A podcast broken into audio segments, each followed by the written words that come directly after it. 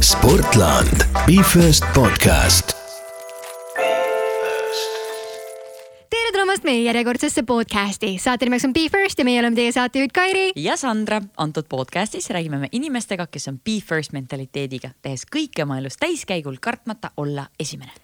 Ja podcastis püüame me siis aru saada, kuidas nende kogemusi ja harjumusi oma elus rakendada paremate tulemuste saavutamiseks. ja täna on meil saates külas.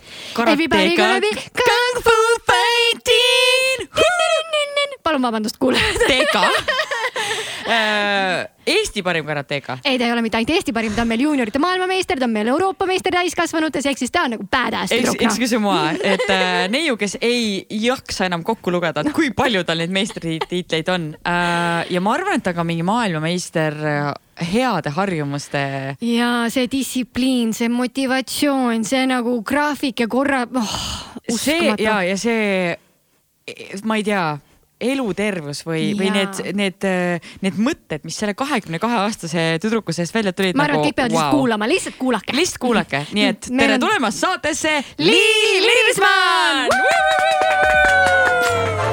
Sportland, Be First podcast. tere, Liis. tere tulemast. kas sa oled esimest korda mikrofoni taga? ei, aga esimest korda annan nagu podcast'i kui palju sa ise podcast'e muidu kuulad? mitte nii tihti nagu tahaks, aga tegelikult, kui see näiteks karantiin hakkas ja siis ma jalutasin päris palju metsas ja hakkasin siis kuulama isegi seda Be First podcast'i väga hea.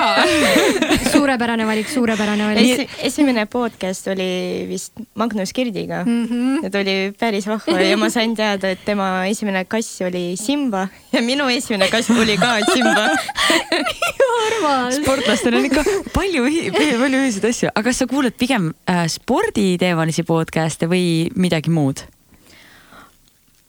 kõigepealt sporditeema mm, -hmm. sest ma olen sportlik inimene, aga jah, proovin ka midagi muud kuulama, sest äh, on vaja nagu open-minded olla väga äge. aga pigem eesti keeles või äh, ingliskeelseid podcast'e? Eestikeelsed, inglisekeelsed ja venekeelsed ka see kuulan. on üks asi, mida ma täiega tahaks, ma kujutan ette, et venekeelseid podcast'e on ülipalju häid tõenäoliselt. ja ma lihtsalt ei räägi keelt, nii et ma ei saa kuulata neid. no selleks on üks lahendus. Õpi keel ära. väga lihtne. ma mõtlesin, et mingi lihtsam nagu bypass on või mingi nagu lihtsam asi. no vist, kahjuks vist ei ole. aga kuna sa oled meie podcast'i kuulanud, siis sa enam-vähem vist tead, mis siit äh, hakkab ees ootama nüüd. jah, me alustame siis äh, meie esimeste mänguga, mis tähendab seda, et meie alustame lauset ja sina lõpetad selle ja me räägime siis sinu esimestest. jah. ma alustan jah? no alusta. esimene asi, millest tahtsid olla esimene? see oli trennis, karatetrennis, et äh, me alati alustame seda karatetrenni nagu rivistusega. ja mina tahtsin olla esimesena seal rivistusel, et siis, kui sa oled esimene, see on nagu sa oled parem käsi, sense-, nagu sensei parem käsi. et sa oled tema abi, et sa oled ja pole vahet, kas sa oled viieaastane või kümneaastane. ja siis ja, ja mina siis andsin nagu sellist äh, käskust, et teeme rei nagu painutuse ise nagu kõigi saali ja siis treenerile ka ja mina tahtsin olla esimesena. ja sensei on siis treener, nagu ma aru saan hmm.. miks tal nii fancy nimi on? sest see on karate. väga lihtne. aga see nagu selleks, et senseiks saada, kas ma pean ise olema nagu läbinud mingid asjad, saanud mingid vööd, värgid, särgid või? Ja et äh, kui sa siis äh, teed eksami ja saad seda must vööri, siis sa oled nagu sensei. kas sa tähendab, sa oled ka sensei või? jah, Wow. näe, masteriks saanud. ma lihtsalt mõtlen, et äh, kui palju selliseid sõnu täna veel potentsiaalselt tuleb. oota, teine oli see, mis äh, Rei Ra, mis see kummardamine, see on Rei kummardamine. ja Mhm., ja siis näiteks äh, Hadžime, see on alustame või hakkame pihta. Hadžime, Hadžime. Hadžime. Hadžime, okei. ma peaks niimoodi podcast'i alustama, Hadžime. ja esimene nagu sõna, mida me ka õpetame oma last, kes on siis trennis, et mida nad peavad nagu alati rääkima, see on oss. Oss. jah, see tähendab kõik, et sa saad aru, et sa seda teed, jah, ei, mis iganes, et lihtsalt oss. aga kust sa aru saad siis, kas ma ütlen sulle jah või ei, kui ma ütlen sulle oss? no kuna ma olen siis sensei, siis ma saan aru tegelikult äh, oss. jah, tubli kumb nüüd oli, kumb nüüd oli, jah või ei? oota, aga, aga see on, on, mis keeles see räägib? See, Jaapani ja see on keel. jaapani eks keel, okei, okei. et siis ma tean mõned sõnad jaapanis keeles ka. aga kas sa oled mõelnud jaapani keelt ka õppida, et kuna see on nii suur osa sinu elust tegelikult ju. no sa tead juba nii palju sõnu. et see on liiga raske jah, et seal on nii palju nagu need ei, nendel ei ole tähti, nendel Mhm. on need nagu silbid põhimõtteliselt onju. ei ole isegi hieroglüüfid vist. ei nagu hieroglüüfid on, aga need ongi ju silbid, vaata mm, -hmm. et nad nagu minu arvates ärge tsiteerige mind, kontrollige üle, ei ole Aasia kultuuride ekspert ja et eh, see hieroglüüf nagu tähendab midagi, et see mm, -hmm. see on eh, nagu võib-olla sõna või sõna osa, aga ja. ei ole nagu. väga põnev, aga järgmine küsimus. sinu esimene vigastus? kui me räägime siis spordist nagu esimene vigastus, selline oli minu, et kui ma sain põlvevigastust esimest korda, see oli aasta kaks tuhat kuusteist vist. et see oli minu, see oli meniskivigastus, mul oli esimene operatsioon ja see oli päris naljakas nagu selles mõttes, et kõik need vigastused, nad on päris äh... juhtub. palun öelge, et te olete reaalselt meie Youtube'i kanalil ja näete, mida ma just praegu tegin lihtsalt. ja lihtsalt mulle meeldis kõigi teiste reaktsioon, kõik olid niimoodi, lihtsalt vaatasid Casual, kõrvalt. casual, et Okei. okay. ma loodan, et meil seal väga palju juhtmeid ei ole, sest meil on nüüd väga vesine see olukord siin oota, aga eh, mi- miks see naljakas oli või mis sul juhtus seal nüüd sest kõik need eh, vigastused toimuvad kas spordilaagris ja viimasel päeval ja see juhtus, juhtus minuga ja olukord oli selline ka, et nagu see oli trenni lõpp.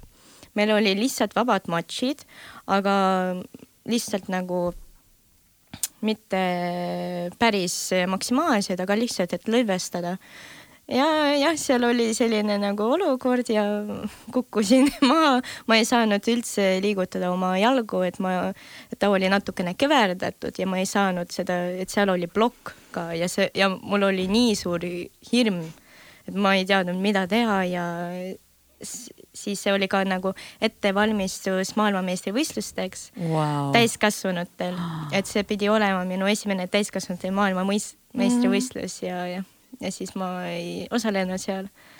aga Kui- jah, kui vana sa siis olid? kaheksateist. aga see on päris äh, muljetavaldav, et sinu esimene suur vigastus siis oli tegelikult kaheksateistaastaselt. jah, kas karate nagu ei ole sihuke, kus võiks nagu neid vigastusi rohkem ette tulla? tundub nagu te ikkagi panete hullu seal. on ja aga mi, minu jaoks need eh, sellised suured vigastused on, et kui sa loobud trennidest ja ei saa lihtsalt nendest osaleda ja on vaja teha siis eh, operatsiooni ja pärast sa nagu taastud kaks kuud või pool aastat, et. lihtsalt pisikesed asjad ei ole sinu Jaa. jaoks päris vigastused, jah? Aga mis ole. sul nagu, mis karatees kõige rohkem nagu pisikesed asjad on, mis juhtuvad? siuksed tüüpilisemad? kui äh, hästi lüüakse kas ninasse Nina. või jah, Need väiksed asjad. või pool külge on sinine ja mingi sõrmed, sõrmed on katki, aga see või nagu luud on katki. sõrmed, see on päris Tavaline või? ka tavaline meie jaoks, et need suured sõrmed, see koht. tavaline, Sandra, tavaline. ei, lihtsalt ma lihtsalt mõtlen selle peale, et, et vaata vahepeal tulevad sportlased ja teevad mingi challenge'i saatejuhtidele, et oo, tule koos meiega trenni, siis ma niimoodi lii, palun, palun ära, palun, palun ära paku seda mis asja, välja. ma küll tahan proovida, come on. ma arvan okay., Okei. et algajatel ei ole nii hullu ju, algajad on ikka Ei nagu come on, meil oleks lebo, ma arvan. Davai, Kairi ja ma tulen ja vaatan, kus sa seda teed. sa tuled ja oled minu vastane seal, siis me teeme seda. ja väga tihti meil on siis veel ka hüppeliigese nagu neid Vigastusi, väiksed jah. vigastused ja et lihtsalt jalg läheb niimoodi, aga see on ka väga-väga tavaline. et tegelikult minu jaoks kõige valusam oli, kui see juhtus esimest korda, see oli Euroopa meistrivõistlustel ja ma ei tundnud seda. see toimus äh, matši ajal ja nüüd siis hüppeliigese Jah. jah. ja ma ei tundnud üldse, et kõik oli korras, aga pärast juba õhtul, kui ma olin hotellis, siis see hakkas nii suur, et nagu tulitama ja, ja, ja ma ei nagu- saanud liigutada üldse ja see oli nii sinine ja ma olin, olin natukene hirmus, aga juba järgmisel päeval kõik oli korras, ma sain jalutada ja nii edasi no võistluse ajal oli lihtsalt adrenaliin nii üleval, et ei tahtnud. oota, aga kui sa ütlesid kaks kuud sa taastusid ja saanud trenni teha, kui raske on sinu jaoks üldse see, et sa nagu ei saa trenni teha? see oli väga raske, et ma kaks nädalat olin lihtsalt kodus, et me, mul ei tohinud nagu liigutada ja siis kui ma tahtsin seal käia kas vetsus või natukene värske õhku yeah. saada, siis ma käisin nendega need äh, karkudega ja? karkudega ja äh, moraalselt see oli väga-väga raske mm, -hmm. et Mhm. mitte füüsiliselt, et see oli nagu esimest korda, et ma ei saanud üldse trenni teha, jah. Enne seda, kui me lähme järgmise esimeste mängu küsimuse juurde, kui sul juhtub vigastus, kui palju sa mõtled selle peale, et mina olen süüdi versus see, et minu vastane on süüdi selles, et mul vigastus juhtus rohkem? mina mõtlen, et mina olen süüdi. et eh, ma üldse ei mõtle nagu vastaselt, et see on tema süüdi, kõigepealt kõik eh, mõtted tulevad siis minust. aga see on kuidagi, te treenite seda mentaliteeti või see on sinul? see on minul lihtsalt jah. See sõltub mentaliteedis, et sinu mentaliteedis, et kuidas sa käitud ja mõtled. mina pigem siis mõtlen, et mina olen süüdi see on see tubli inimene, vaata, kes vastutab ise kõikide maailma asjade eest, mitte ei süüdista teisi. Vau, kõigest väike koorem, mida kanda. aga nii on võib-olla natuke lihtsam elada ka tegelikkuses nii, aga ma võtan järgmise küsimuse ka, sellepärast et muidu meil see esimeste mäng läheb väga-väga pikale, sest me tegelikult ju räägime pärast nendest asjadest veel. esimene ei, uh, see on mu lemmik ma suutsin juba ära unustada, osa, ei, oota, mis see oli, jah, ei, mis osa, esimene ei, os, os, os os, esimene os. uh,. vist kui ma otsustasin, et ma ei lähe enam iluvõimlemisele, kui vana sa olid siis? neli ja pool kuskil niimoodi, et ma tulin koju ja ütlesin, et ma rohkem ei lähe sinna, ja kuidas vanemad reageerisid? Okei okay., nagu no ise valin. aga kuidas sul tuli see soov mitte sinna enam minna? tegelikult ma ei mäleta üldse, et ma mäletan ainult seda olukorda, et ma tulin ja ütlesin, et ma rohkem ei lähe sinna. ja siis eh, pärast, kui olin juba natukene vanem, ma küsisin, aga miks. ja vanemad ütlesid mulle, et no sulle vist ei meeldinud, et kuidas sinu treener käitub ja nii edasi, mingid sellised olid. aga iluvõimlemisel ma olin ka nagu hea sportlane selles mm -hmm. mõttes, et kui olin väike, aga vist treeneriga ei saanud hakkama. aga see on nii oluline tegelikult noorte puhul, et sa satuksid õige treeneri otsa, et sa jääksid üldse selle spordiala juurde. mitte ainult noorte. Ma arvan, et see on, see on ka täiskasvanute puhul ei no vaata täiskasvanuna, kui sul on nagu mingi passion, sa täiega tahad iluvõimlemist teha, siis sa oled nõus nagu mingi nõmeda treeneri ära kannatama selle jaoks, et teha seda, mida sa armastad, vaata. okei, aga noorena sa oled nagu mii, järgmine. aga see vist on nagu käib kuidagi selliste lainetena ka, et äh, näiteks minu vanuselt ma mõtlen, et kui ma peaks praegu minema nõmeda treeneri juurde, siis ma küll ei läheks. siis aga ma ütlesin, vaat sul ei ole praegu seda kirge ka mingile konkreetsele spordialale, kui sa tahaksid nüüd nagu jaa, aga saada mingiks. aga vaata, minu jaoks see ongi täiskomplekt, et see Mhm. ongi nagu elamus, et ma siis valingi selle järre, järgi, et ma ei, ma ei peagi võtma mingit ühte asja, et minu kirg ongi see võib-olla, et ma teen palju erinevaid asju.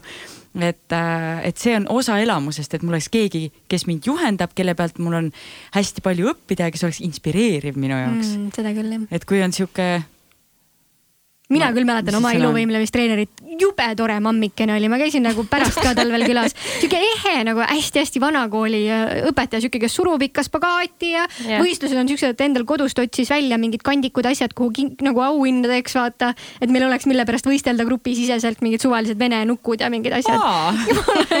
kuule, see on nagu Pavel rääkis äh, oma podcast'is, Viie Miinuse podcast'is, et kuidas tema oma esimese kingituse faili tegi. nii et minge kuulake Viie Miinuse podcast'i, saate kuulda, mis, mis see piinlik moment oli. aga kui me rääkisime piinlikest momentidest, siis mis oli sinu esimene piinlik moment? ma ei tea tegelikult, et eh, kas see on see moment, kui on päris raske või? kui on nagu häbi või Häbi, selline tunne, et mõtled nagu appi, mida, mis nüüd juhtus. miks? okei. Ma võin sulle jagada oma piinlikku momenti, siis sa tead, millest šnitti võtta. minu mm -hmm. piinlik moment oli see, et ma hüppasin laval spagaati ja mu püksid rebenesid. see oli päris piinlik. mina ei oska valida, mul on kümme samasugust jah? vist, mul polnud sellist momenti, et ma ei tea. kuidas sa läbi elu niimoodi käinud oled? ei, ei, ei, ei. eelmisel aastal ma tulin trenni, karatetrenn mm. -hmm. ja siis äh, nagu meil on ju kimono ja kimonos ma unustasin püksi, et mul oli ainult jakk. ja ma mõtlesin, okei okay,, kuidas siis ma teen trenni, aga kuna ma teen nagu paljudes riietes trenni mm, -hmm. et ma kimono alla veel panen siis eh, mingid eh, need rituusid ja nii edasi, siis mul oli, oli need rituusid ja ma panin lihtsalt neid ja see oli nagu uus selline outfit trennile, jah. See on nagu väga softcore, väga softcore, sul on ikka elus vedanud. sul on aega veel, sa oled nii noor. küll jõuab nüüd. ma võin ise sulle midagi ära korraldada, see pole üldse probleem, ma satun alati sellistesse olukordadesse. aga kas, kas see päriselt see, kui sa lähed näiteks mingis poolikus kostüümis või outfit'is mm, -hmm. kas selle peale vaadatakse kuidagi imelikult ka, et või et näiteks sa unustad oma õige vöö maha ja siis lähed mingi teist värvi vööga, kas see on üldse aktsepteeritav? tohid üldse jah, ma mõtlengi. tohib ikka tegelikult mina ei tee trenni musta vööriga, et ma teen. aga kui ma panen musta vöö, mida mul ei ole tegelikult, kas siis on probleem või? ja ikka. ja siis sa ütled, see on lihtsalt fashion statement. ei no mul jäi vöö maha, ma sõbrannalt laenasin keegi ei julge ei niimoodi teha mina pigem teen trenni siis teise mm -hmm. värviga, et meil on ka võistlusvärvid vöörid.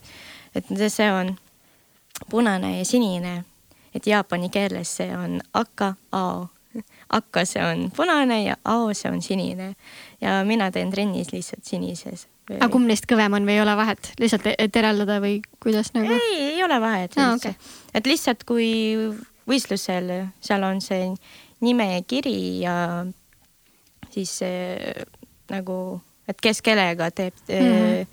matši, siis see esimene, kes on äh, kirjas see on punane vöör ja siis teine on sinine vöör mm -hmm. ja siis pärast kõik lähevad niimoodi. oota, kuidas üldse karates on, kui palju neid erinevaid värve on, kui ma alguses trenni tulen, siis mis ma saan? mingi valge, valge.? jah, valge ja siis... vöör. siis tuleb kollane, kollane., oranž, roheline, sinine, pruun ja siis tuleb must. issand, kui palju leveleid. kui kiiresti tavaliselt sinna mustani jõutakse no mina sain oma musta vööri, kui ma olin kuusteist aastat vana ja Eks... siis ma alustasin viieaastasena, et läks. üksteist no, aastat või? jah, kuskil niimoodi läheb. Holy shit seal on ka niimoodi, et sa ei saa näiteks eh, teha pruuni vööri eksamit, kui sa oled näiteks kümme aastat vana mm. -hmm. et esimene nagu vanus pruuni vööri jaoks on uh, vaid kolmteist mm.. et seal Miks on nii? ka, ma ei tea. kas Eestis on keegi nii noor? Musta vee omanik mm,? vist noh, sama nagu mina olin, kuusteist aastat. praegu ma on... ei tea, kes on. kui palju teil üldse on äh, mustad vööd? Eestis? jah, on see nagu sihuke levinud asi, et meid on mingi tuhandeid või neid on mingi käputäis või? ma ei. ei tea? ei tea, jah. päris huvitav oleks teada. no meie klubis on kuskil kuus mm. -hmm. jah, kes ikka..., kes teeb trenni või annab trenni, jah, kuskil kuus. see on päris vähe ikka. ja must vöö on siis nagu top of the top sealt ei saa ja, enam kõrgemaks minna, must, ma ei tea, kuldsete lintidega või midagi sellist. sealt äh, saab ikka, et nagu musta vööril on ka oma levelid, ütleme nii. niimoodi, et kõige suurem level on, et need leveli äh, nime on done. see ongi nagu level ja kõige suurem nagu on üheksa. done, done.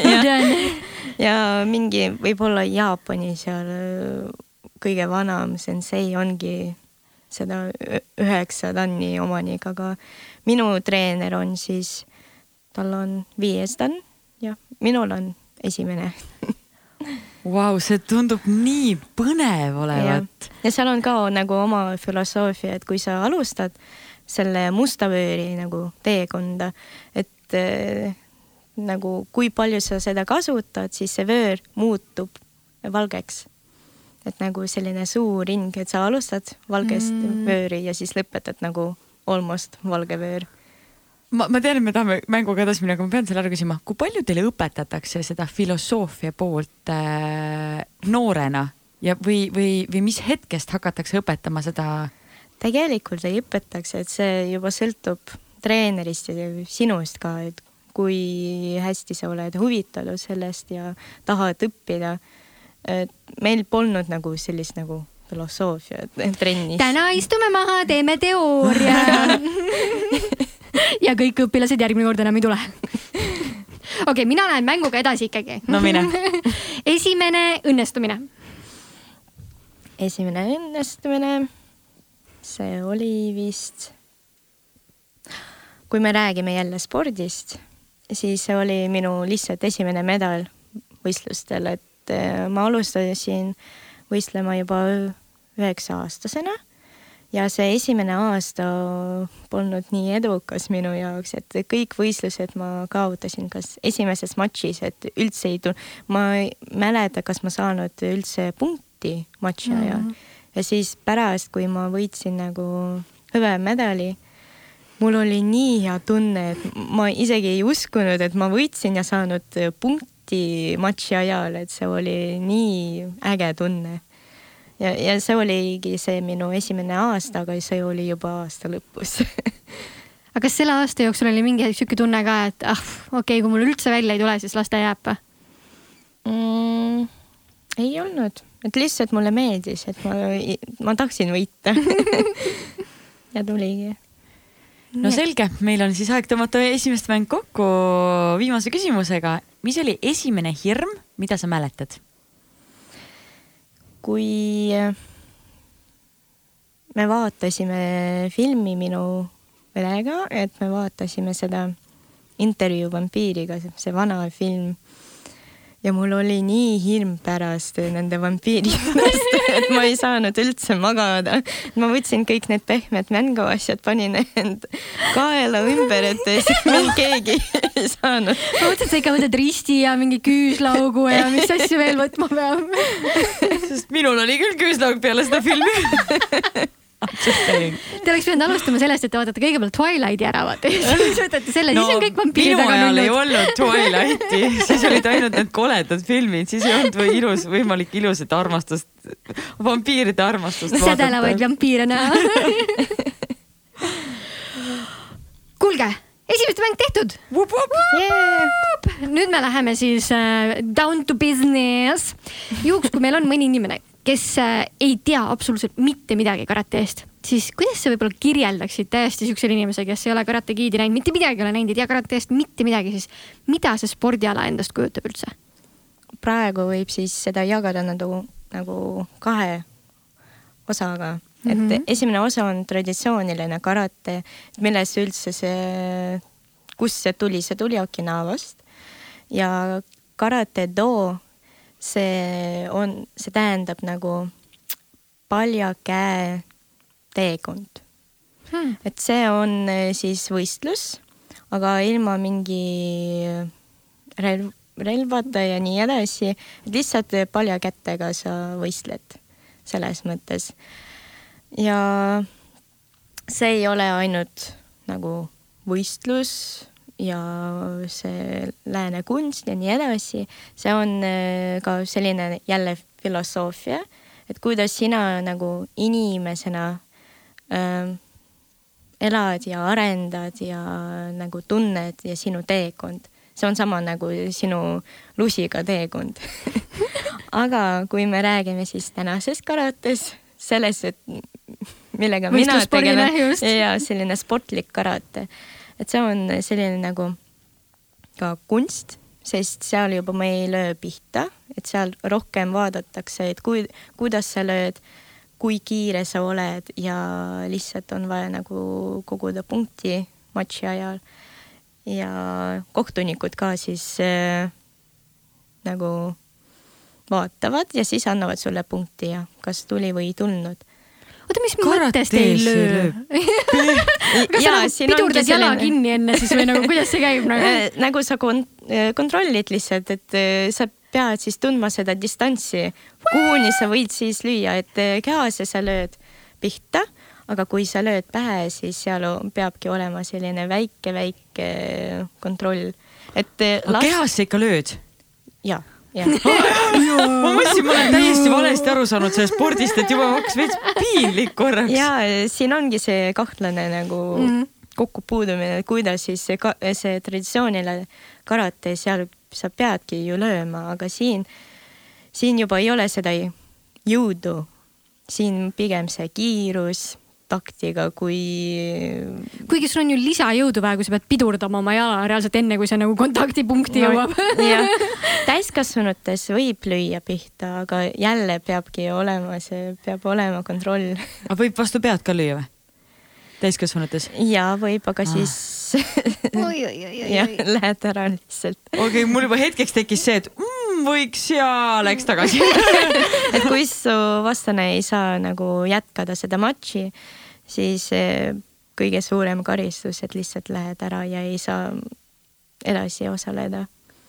okei okay,, et ma ei tohi ikkagi oma vastasele teoreetiliselt haiget teha nagu, et ma ja. pean lihtsalt nagu proovima punkte koguda ja kas seal on mingi loogika ka, et mille eest ma rohkem saan ja mille eest ma vähem saan punkte, et kuhu ma löön, et nagu mis löögid on? mis aga... kõige väärtuslikum löök on, mida ma harjutama pean? jalaga pähe. siis pähe. sa saad äh, kolm siis punkti. siis see on kõige kaugemal sellest. kolm punkti, davai, hakkan kohe harjutama. aga oh,, aga ma tahaks tegelikult näha, kui kõrgele sinu jalg tõuseb üldse? nagu kui sa lööki teed. kas sa saad praegu näidata siin, jah? Ilma soojenduseta ma olen juba nii vana, et on vaja teha soojendus kuskil üks tund ja siis ma saan. vaat kui tubli, et nii hoiad oma keha reaalselt, mitte ei lahmi, onju. okei okay., aga kui me räägime jala tõusmisest, siis äh, enne seda, kui me lähme täitsa-täitsa edasi, võib-olla astume natuke tagasi. sa juba enne mainisid, et sa tegelikult tegid alguses iluvõimlemist et kuidas see switch siis ikkagi toimus, ütlesid, et jaa, sa ise tundsid, et sa ei taha enam minna, aga kuidas sa jõudsid karateeni lõpuks? Mm, tänu minu isale, et see juhtus ka väga nagu kiiresti ja loomulikult, et me jalutasime koos minu isaga siis kuskil linnas ja kohtusime minu tuleviku treeneriga äh, Aleksandr Sõkov mm. -hmm. aga nad olid, on sõbrad, minu isa ja minu treener juba veel ülikooli ajast. et nad õppisid koos siis äh, sporti ja tuligi isale ka selline mõte, et sul on ju karategrupp ja nii edasi, kas võtad minu tütre trenni? Ja ta ütles jah, las tuleb homme juba sellel ajal ma tulin ja kõik. Kas ta oskas üldse aimata, et sinust saab sihuke nagu sihuke power naine noh? keegi ei uskunud, et saab, et ta, et ma ei olnud selline nagu talent et meil on sellised sportlased, kes on päris, kellel on see loomulik tunne, et nad tunnevad näiteks distantsi, kui me räägime karates ja nendel kõik tuleb väga loomulikult. mina olin pigem selline, et mul oli vaja teha väga palju tööd ja treener ütles minu isale, et Eesti meistrid ma teen temast mm, -hmm. aga kui ta tahab midagi suuremat, siis tuleb teha päris palju tööd mm. -hmm. et mul näiteks minu õlavöör oli väga-väga pinges ja ma liikusin nagu niimoodi nagu boksis näiteks, et ma ei saanud lõdvestada. ja siis tuli teha päris palju sellist lõdvestusharjutust, venitust ja võib-olla kui ma olin viisteist aastat vana, siis see lõdvestus tuligi nagu kümme aastat oli vaja, et lihtsalt saada seda lõdvestust wow.. aga mis sinus siis oli või mis sinus on sellist, mis kompenseerib seda, seda, nagu sa ütlesid ise, loomulikku talenti? minu tahe, ma arvan, sihikindlus, motivatsioon ja lihtsalt, et ja et ma lihtsalt tahan ja olen valmis nagu teha nii palju tööd, kui on vaja. Kas sa näed seda oma treeningkaaslastes ka või see on tõesti midagi sellist, mis sa tunned, et? see sõltub inimest, et äh, kahjuks ma praegu ei näe treeningkaaslastele, et, mõned ongi sellised nagu loomulikud, mõned ei ole. aga kõigil on oma eesmärk selles mõttes, ma tean lihtsalt oma eesmärki ja ma teen kõik, mida on vaja, et ma töötan. selles mõttes meie ala on rohkem selline individuaalne, et võib juhtuda ka niimoodi, et näiteks sinu treeningkaaslane on sinu vastane. et kui sa oled ühes kategoorias ja siis eh, näiteks te võistelda selle jaoks, et saada mm, koondisele mm, -hmm. koondises on ainult üks koht, et kui sa tahad minna maailmameistrivõistlustele või Euroopa meistrivõistlustele, ainult üks inimene läheb ja siis tulebki see nagu konkurents. Aga kas see pole mitte hea, kui sa tead umbes, et äh, kuidas sinu vast-, vastased või mis on nende tugevad ja mis on nende nõrgad kohad? kas see, kas see on pigem hea või see on pigem selline, et äh...? see on kahtlane küsimus selles mõttes, et äh, kui sina ei tea, siis ikka nad ka teavad sinu mm -hmm sellised nõrgad küljed ja tugevamad ja selles mõttes näiteks võistlustel mul on lihtsam äh, teha näiteks esimese matši selle vastasega, keda ma ei tea üldse mm. -hmm. kui tuleb seal minu vastane, see tüdruk, kellega ma olen teinud juba nagu mitu korda matši ja näiteks, et ma need kõik matšid olen võitnud, siis ikka mul on selline närviline tunne, et no võib juhtuda niimoodi, et ta võidab näiteks ja siis siin tuleb päris selline raske matš. Isegi minu viimane kõige raskem matš oligi ühe tüdrukuga, et praegu me oleme sellised head sõbrad. et me juba oleme kohtunud alates, kui ma olin neliteist aastat vana, juba sealt me hakkasime temaga kogu aeg nagu kohtuma selles mõttes ja jah, kõik matšid olid pinged ja ükskord ta võitis, ükskord mina võitsin ja nii edasi, nii ja noh. Ja viimane kord, kui me kohtusime, see oli eelmisel aastal Madridis, meil oli see karate premier liiga, et see on nagu maailmakarika etapp.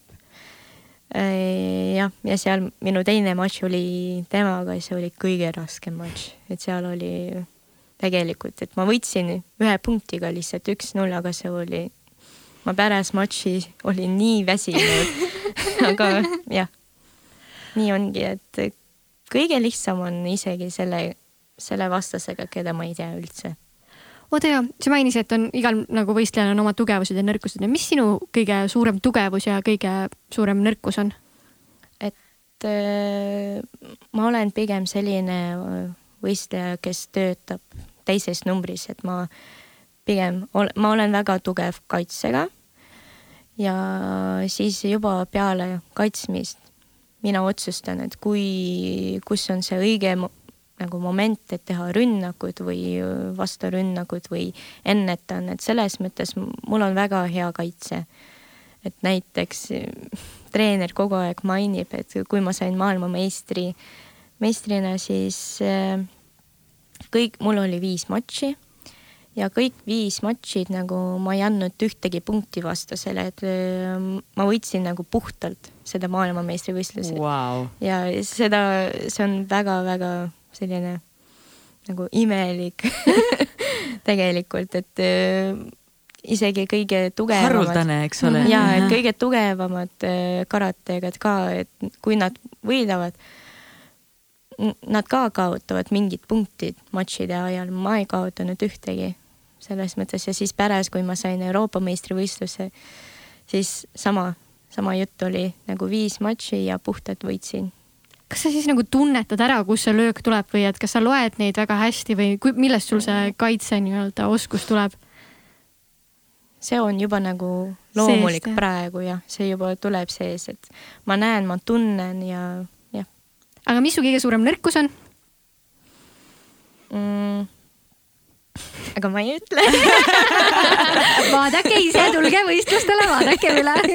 väga õige ei peagi ütlema, ei peagi ütlema. räägi korra sellest ka, et karates, kui ma hakkasin guugeldama Youtube'is, siis seal tuli nii palju erinevaid nagu liike karateed välja, kas on veel nagu kui me räägime traditsioonilist jah Jaa. et seal on siis eh, erinevad stiilid lihtsalt, et kõige selline äh, kuulsam stiil ja mis meie stiil on, see on Shotokan. See on lihtsalt Shotokan. äh, traditsiooniline, aga võistlus nagu sportlik karade ka jagub nagu kahe nagu võistlusosa mm -hmm. katta, see on nagu rohkem ka, see on, see on ka võistlus, see on ka nagu matš, aga ilma vastaseda, et sa oled üksi. jah, oota, ma võistlen üksi. ja et sa tuled tatami keskele ja teed seda nagu kogu skeemi, matši skeemi. ma räägin, Kairin, See nüüd tundub- sinu keeles eh,. soolotants. ah, soolotants, väga hea, seda ma mõtlesingi, et ah, okei, et lähen ja teen oma liigutused ära, onju. tegelikult ja, et kui sa vaatad seda esimest korda, sa mõtled, see on nagu tants. kuule, seda võib jumalast teha ju. ei vä? Teiega võib ei, ju. ma, ma ikka tahaks sinuga kakelda. kuule. ei, võid-, võistelda, võidelda. puksi matši peame tegema, Youtube'i esimene puks. Sina lähedki Pavelile vastu sinna ringi. oota, nii äh,. ja oota, sina lähed Krisiga triatloni tegema. soolotants ja teine on nüüd siis see, mida sina teed, kus sa ikkagi nagu kakled kellegagi ja see päriselt on äh, kumite. kas Kumite. öeldakse kakled või? on, Öeldakse jah, miks mitte, miks mitte. ei, ma just mõtlen, et mõni, mõnikord on see kakled on, tundub nagu Paarikaklus. jah, nagu, nagu koolis keegi. jaa, et võib-olla on seal öeldakse mingi teistmoodi mingi võistled või ma ei tea, midagi muud sellist stiilset, aga ja isegi võitled on tegelikult õigem vist kui Ahah. kaklemine või? no jah, et trennis me kakleme. oota, aga kui palju teil üldse trennis on tüdrukuid, kes karateega tegelevad? praegu on vähem, kui oli ennem, et kui ma olin väike, siis meil oli kuskil kuus tüdrukut, see on tegelikult palju. mitmest, Eestis äh, mis see protsent, protsentuaalselt võiks olla kuskil ma kakskümmend vist mm.? ja et äh, Eestis praegu üldse on vähe, kes tegeleb karatega. ma ei tea, miks see, see nagu number kaob, nagu läheb maha iga aastaga kahjuks, aga jah, aga kui me vaatame näiteks äh, üldse maailma, siis äh, on mõned koondised, kus äh, pigem on äh, rohkem tüdrukuid Mhm. tegelikult. mis maades? näiteks? näiteks äh, Soome Hmm.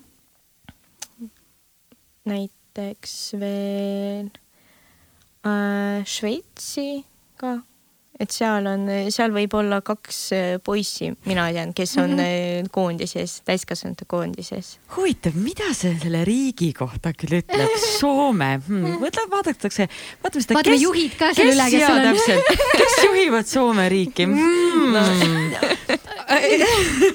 aga miks, miks naised, miks, miks tüdrukud üldse peaksid minema karateed tegema? Sest see on vahva tegelikult, et sina aga mis see sulle juurde annab, kui sa mõtled näiteks kasvõi enda peale? no kõigepealt, kui kõik eh, näiteks, mina ei, ju ei näe nagu, et ma tegelen karatega, et eh, mõned arvavad, tegeleb spordiga, aga mitte karatega. võib-olla mingid tantsid või tennis või veel midagi. ja siis, kui ma ütlen karate, nad on nagu olgu, siis me ei küsi enam midagi. siis ma olen väga-väga hea sinuga ja nii edasi, et selles mõttes on ka vahva, et sa nagu teed selle üllatusi mm. -hmm. inimestele. aga see on väga vahva spordiala, mulle meeldib, sest eh, seal toimub nii palju nagu tegevusi trennis, laagrites ja võistlustes, et seega see on mingi teine spordiala.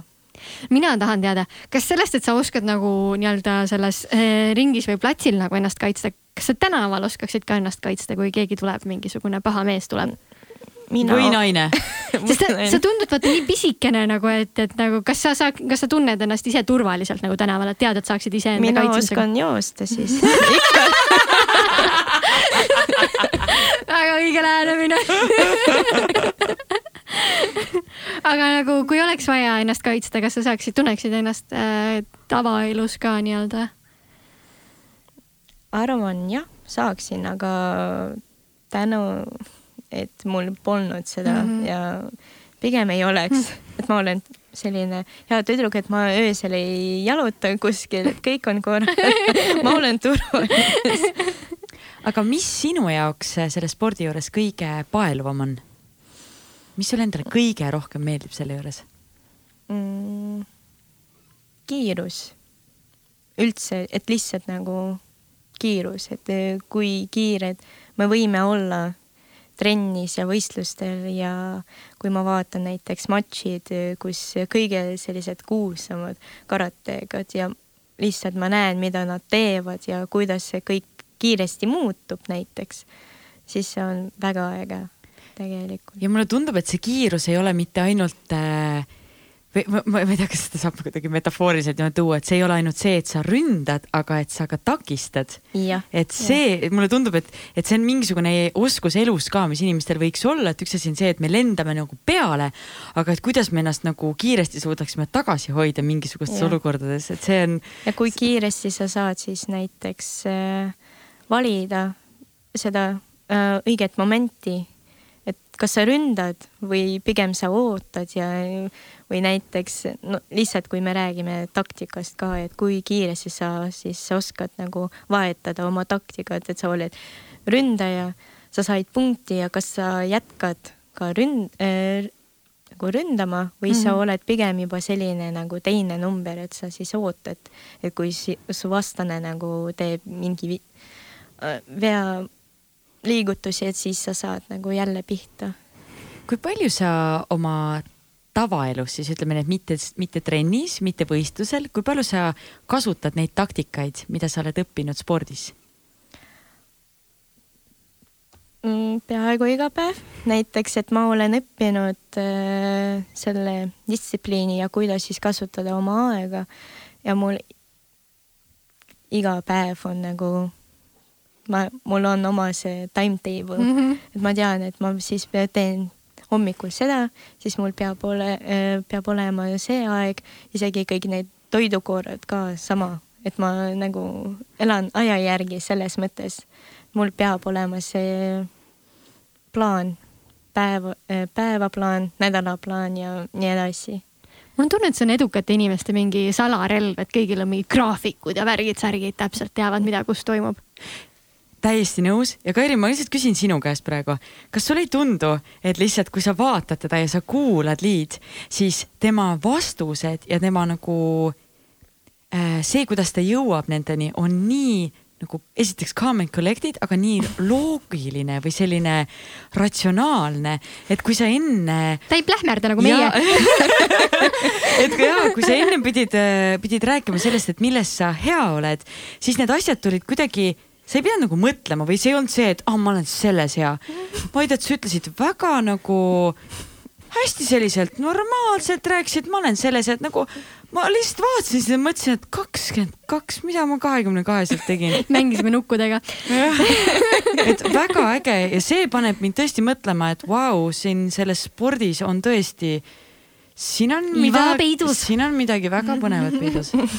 Aga räägimegi võib-olla natukene spordist selles mõttes ka lähemalt, et äh, sinu tulemuste kontekstis, et kui su treener ütles kunagi isale, et noh, Eesti meistri teen, aga et äh, mitmekordne Eesti meister sa tänaseks näiteks oled?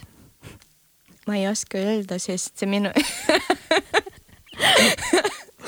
sest äh, minu esimene Eesti meistri tiitel oli juba, kui ma olin kümme aastat vana ja sealt nagu tuli iga aastaga ma sain Eesti meistri jah, mulle tuli nii muuseas. lihtsalt tuli neid meistreid. kogu aeg andsid mingeid medaleid, ma üldse ei teinud midagi, ma ei tea. mingi aasta ma lugesin nagu, kui palju mul on neid. seal oli kuskil kakskümmend viis, aga see oli kuskil kolm aastat tagasi ja siin on selline ka nagu olukord selles mõttes, et ähm, siis välismaal mina võistlen kummitest, matšidest seal.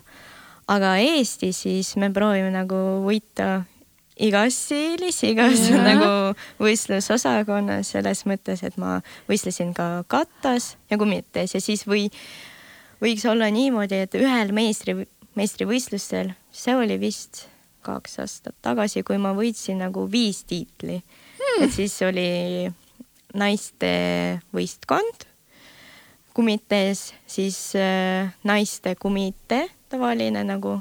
üksi onju mm. -hmm. ja, ja siis oli ka selline aasta, et kui sa oled kaheksateist aastat või üheksateist või kakskümmend, siis sa võid võistelda nagu ühes, oi, kahes vanusekategoorias mm, -hmm. siis eh, kuni kakskümmend üks ning täiskasvanud mm. -hmm. ja oli ka nagu ma võistlesin seal ja seal aga põhimõtteliselt oli niimoodi, iga kord, kui sa läksid võistlusele, siis olid niimoodi, et äh, ütlesid äh, kodus, et äh, kuule davai, ma siis nüüd tulen mingi kaheksa medaliga, et pärast näeme, et, et kas sul on üldse mingid challenge'id veel või sa tead, et sa lähed võistlema ja sa niikuinii võidad? Eestis jah, pigem selline tunne, et ma lähen, ma tean, et ma võidan mul võiks iga päev olla selline tunne, et tõusen püsti. kaks medalit, siis ma ütleks ka, et ma tunnen ennast suht kindlalt et võib-olla katas seal tuleb, võib-olla hõbemedal, et mm -hmm. selles mõttes pole pole viga, et kõige, seal on kõige suurem eesmärk, et lihtsalt me saame seda medalit ja meie klubi nagu kogub seda punkti ja siis meie klubi on kõige parem. oota, kui palju üldse karateklubisid on Eestis? Äh, kokku siis kuskil viisteist hmm.. võib-olla natukene rohkem, aga sellist nagu sportlik karate, kes ke, äh, nagu kelle eesmärk on ka saada kas koondisele või mm -hmm. Euroopa meistrivõistlusele ja nii edasi, siis viis mm, -hmm. mina ütleksin jah, kuskil niimoodi. aga jälle meil on selline olukord, et mõned sellised potentsiaalsed sportlased, nad liituvad siis meie klubis või lihtsalt käivad seal äh, kolm korda nädalas teha trenni, aga tavaliselt, kui nad hakkavad siis pärast võib-olla läheb üks aasta ja siis nad liituvad meie tiimis aga kui me rääkisime suurtest saavutustest ja tulemustest, siis äh, mina, ma ikkagi läheks kohe selle, võib-olla selle suve kõige valusama äh, teema juurde väga paljude sportlaste jaoks, see on Tokyo olümpia ärajäämine. Kuidas mm -hmm. see sinu karjääri mõjutanud on? see lihtsalt andis mulle veel üks aasta, et valmistuma parem. et äh, niikuinii meil see kvalifikatsiooniturniir, mis pidi olema siis ka maikuus, seda ka nagu lükati edasi ja siis lihtsalt mul on veel rohkem aega, et valmistada parem. Kui kindlalt sa oleksid sinna kvalifikatsiooniturniirile läinud? et kui kõik tõenäoline oleks olnud see, et sa oleks, oleks võistelnud? et siis äh, vaid ainult kümme osalejad ja see on väga vähe.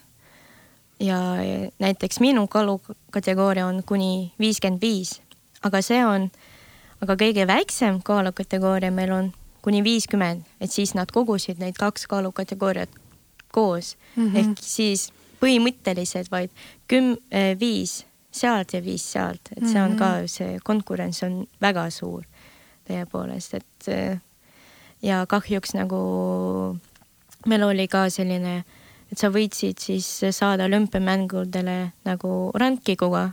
et meil on see Tokyo Olympic Games ranking mm -hmm. ja kahjuks nagu rankiguga ma ei saanud sinna ja siis on jäänud nagu viimane võimalus, see kvalifikatsiooniturniir, jah oota, aga noh, täiskasvanutes ongi tõenäoliselt raskem, aga sul ju tegelikult äh, juunioritelt on, on ju maailmameistrimedal olemas, nii et sa oled tegelikult ikkagi seal maailma tipus. et kuidas nüüd täiskasvanutes on, et kui kaugel sa sellest päris, päris tipust oled? mitte nii kaugel ma mõtlen, sul on euroopakate meistrimedal on sul olemas, on ju? et äh, ja. ja maailmas on sihuke, kuhu sa ennast paneksid seal nagu rankingus uh,? Tegelikult nagu maailma rankingus ma olen kahe, kaks kakskümmend neljas. kakskümmend neli. Mhm. ja, et nagu see esimene top kolmkümmend on päris, päris hea tulemus mm. -hmm. ja kui jälle mul oli põlvevigastus kaks aastat tagasi mm, -hmm. sama vigastus, sama põlvega. ja kuni selle, selle vigastuseni ma olin nagu top kakskümmend mm. -hmm. ja peaaegu ma olin esimeses nagu top kümne seas ja see oli väga-väga kihvt. et selles wow. mõttes äh, mina juba tunnen, et ma olen selline päris suure konkurentsiga seal, et ma näitan neid hambasid nagu minu treener ütleb, et jah, on vaja näidata neid hambasid siis seal võistlustel aga mis üldse on edu valem, et kuidas sa oled jõudnud nii kõrgele oma tulemustelt? Mm,?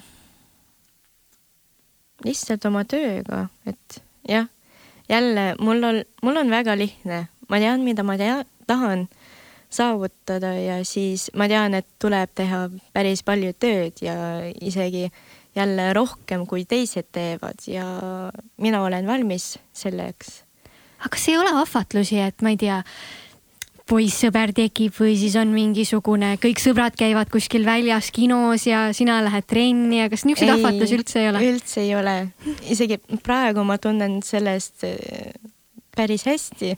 mul, mulle sobib, et ma lähen trenni ja õhtul sõbrad kutsuvad mind, kas lähme sinna või lähme sinna, aga ma saan aru, et näiteks homme ma pean juba pool seitse tõusma, et siis miks, miks ma praegu siis lähen jalu, jalutama, tulen kuskil keskööl tagasi koju ja magan natukene, et mm -hmm.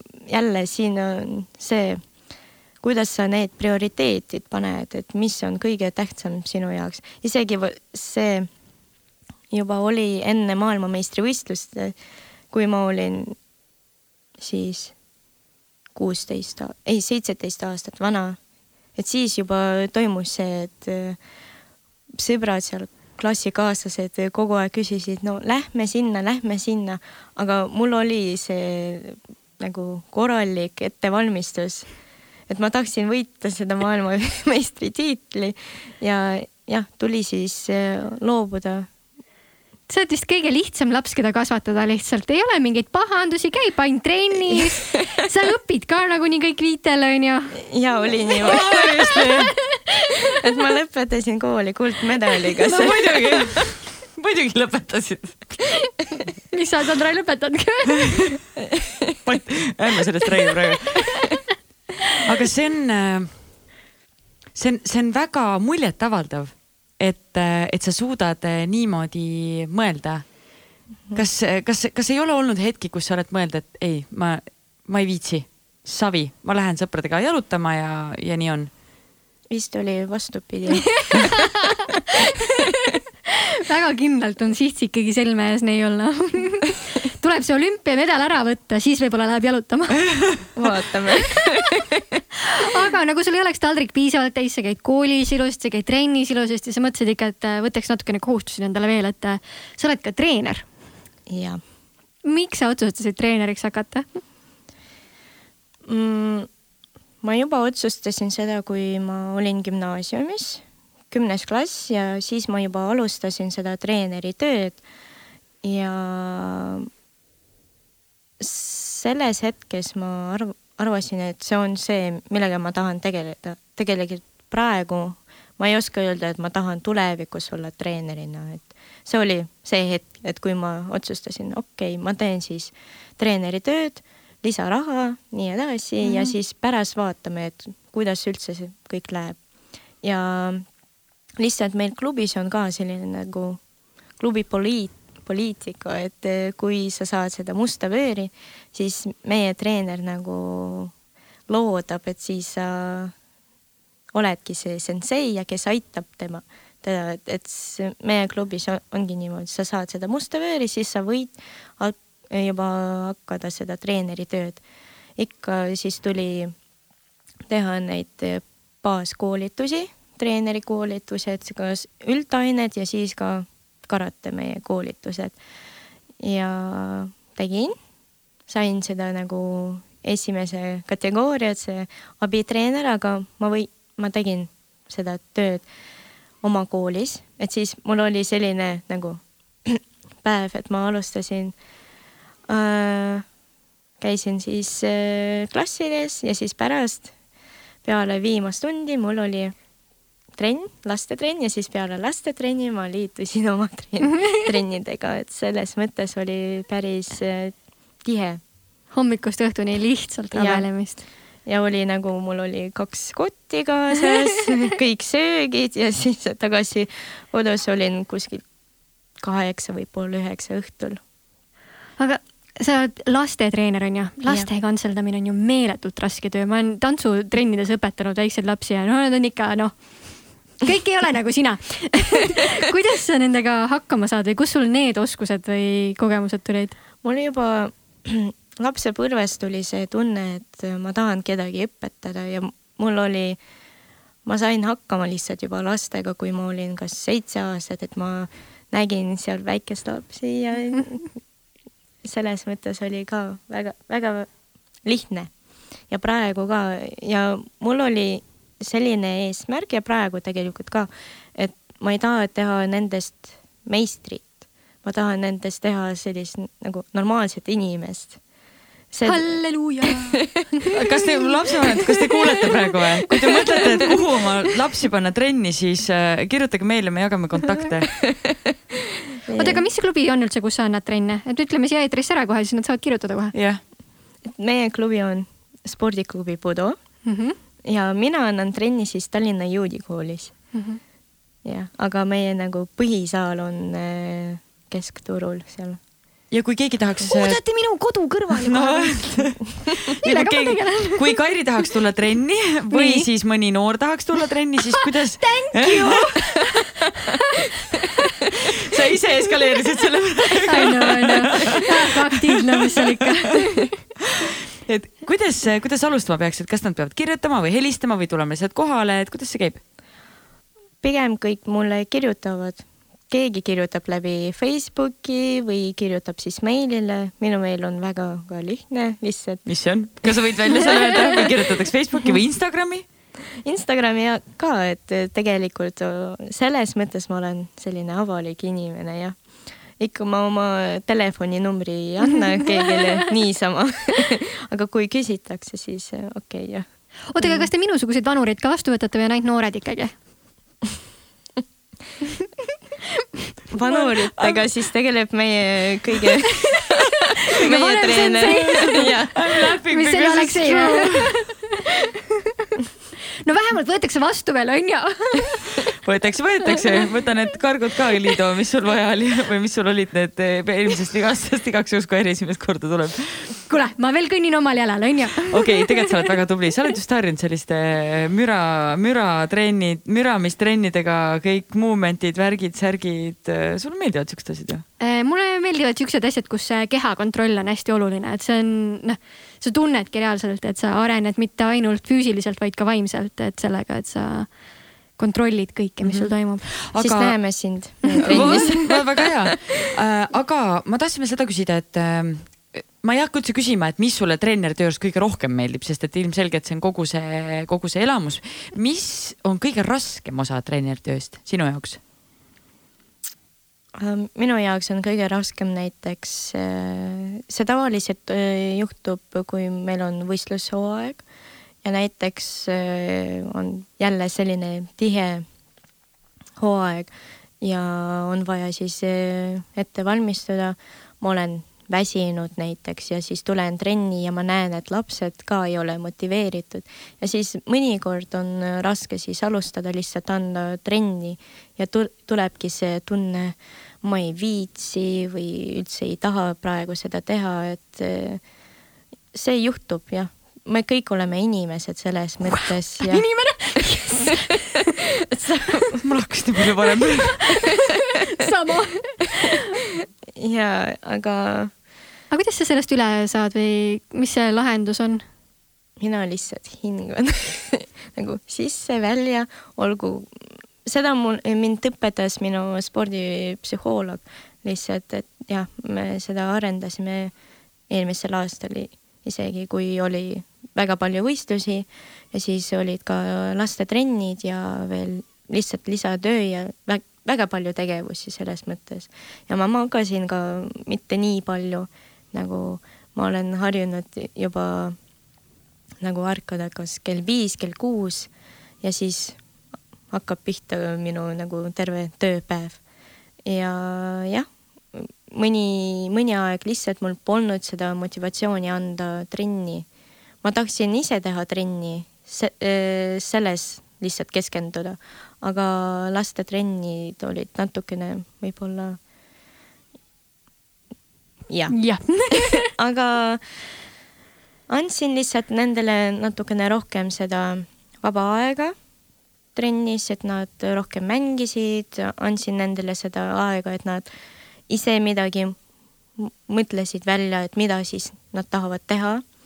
ja nagu ma olen harjunud juba alguses, mina ise annan nendele, teen nendega seda soojendust, aga hakkasin niimoodi tegema, et nad ise teevad seda soojendust, et las nad õpivad ise mm. -hmm. kuidas seda on vaja teha. mina lihtsalt jälgin ja see ongi see lisaaeg minu jaoks, et ma siis mõtlen, et mida me teeme pärast, keskendun, hingan ja ongi, ongi lihtsam. Ehk siis äh, kui mõned lapsevanemad võib-olla vaatavad trenni kõrvalt, siis see ei ole see, et treener on laisk, vaid treener on just väga tark ja laseb lastel ise õppida, mitte see, et ei öelda kohe ette, et mida sa pead täpselt tegema. tavaliselt ma ei luba äh, lapsevanematele vaadata trenne. kas äkki vahepeal peaks? Tegelikult oleks mõistlik, et mitte, ma arvan, et lapsed lihtsalt ei suuda normaalselt käituda, kui sul on lapsevanem seal. mõned lapsevanemad võiks näha, mismoodi tegelikult päriselt trenni Nad tehakse. võiks trenni minna, vaata, siis nad saavad nagu selle tunde kätte. jah, selle jaoks meil ongi näiteks äh, võistlused lihtsalt mm. -hmm. klubis ja siis lapsevanemad näevad, mida oskavad nende lapsed mm. -hmm. aga mis toimub trennis, see toimub trennis, et nagu ma ei, see ei ole mõistlik, et kui lapsevanem on nagu kolmas inimene selles, et on treener, on laps, sportlane ja ei olegi kedagi kolmast, et ainult see on nende koostöö ma ei tea, kui palju sa tahad või tohid sellest rääkida, aga kas, kas, kas on palju selliseid lapsevanemaid, kes sekkuvad või kuidagi äh, on ebaviisakad või ma ei tea, kirjutavad. kõige paremini. jah, mm.. Meie klubis ma ei ole kohtunud sellist lapsevanemat, ma nägin mm. nagu teistes klubides seda nagu mm Mhm. -hmm. võistlustel ajal ja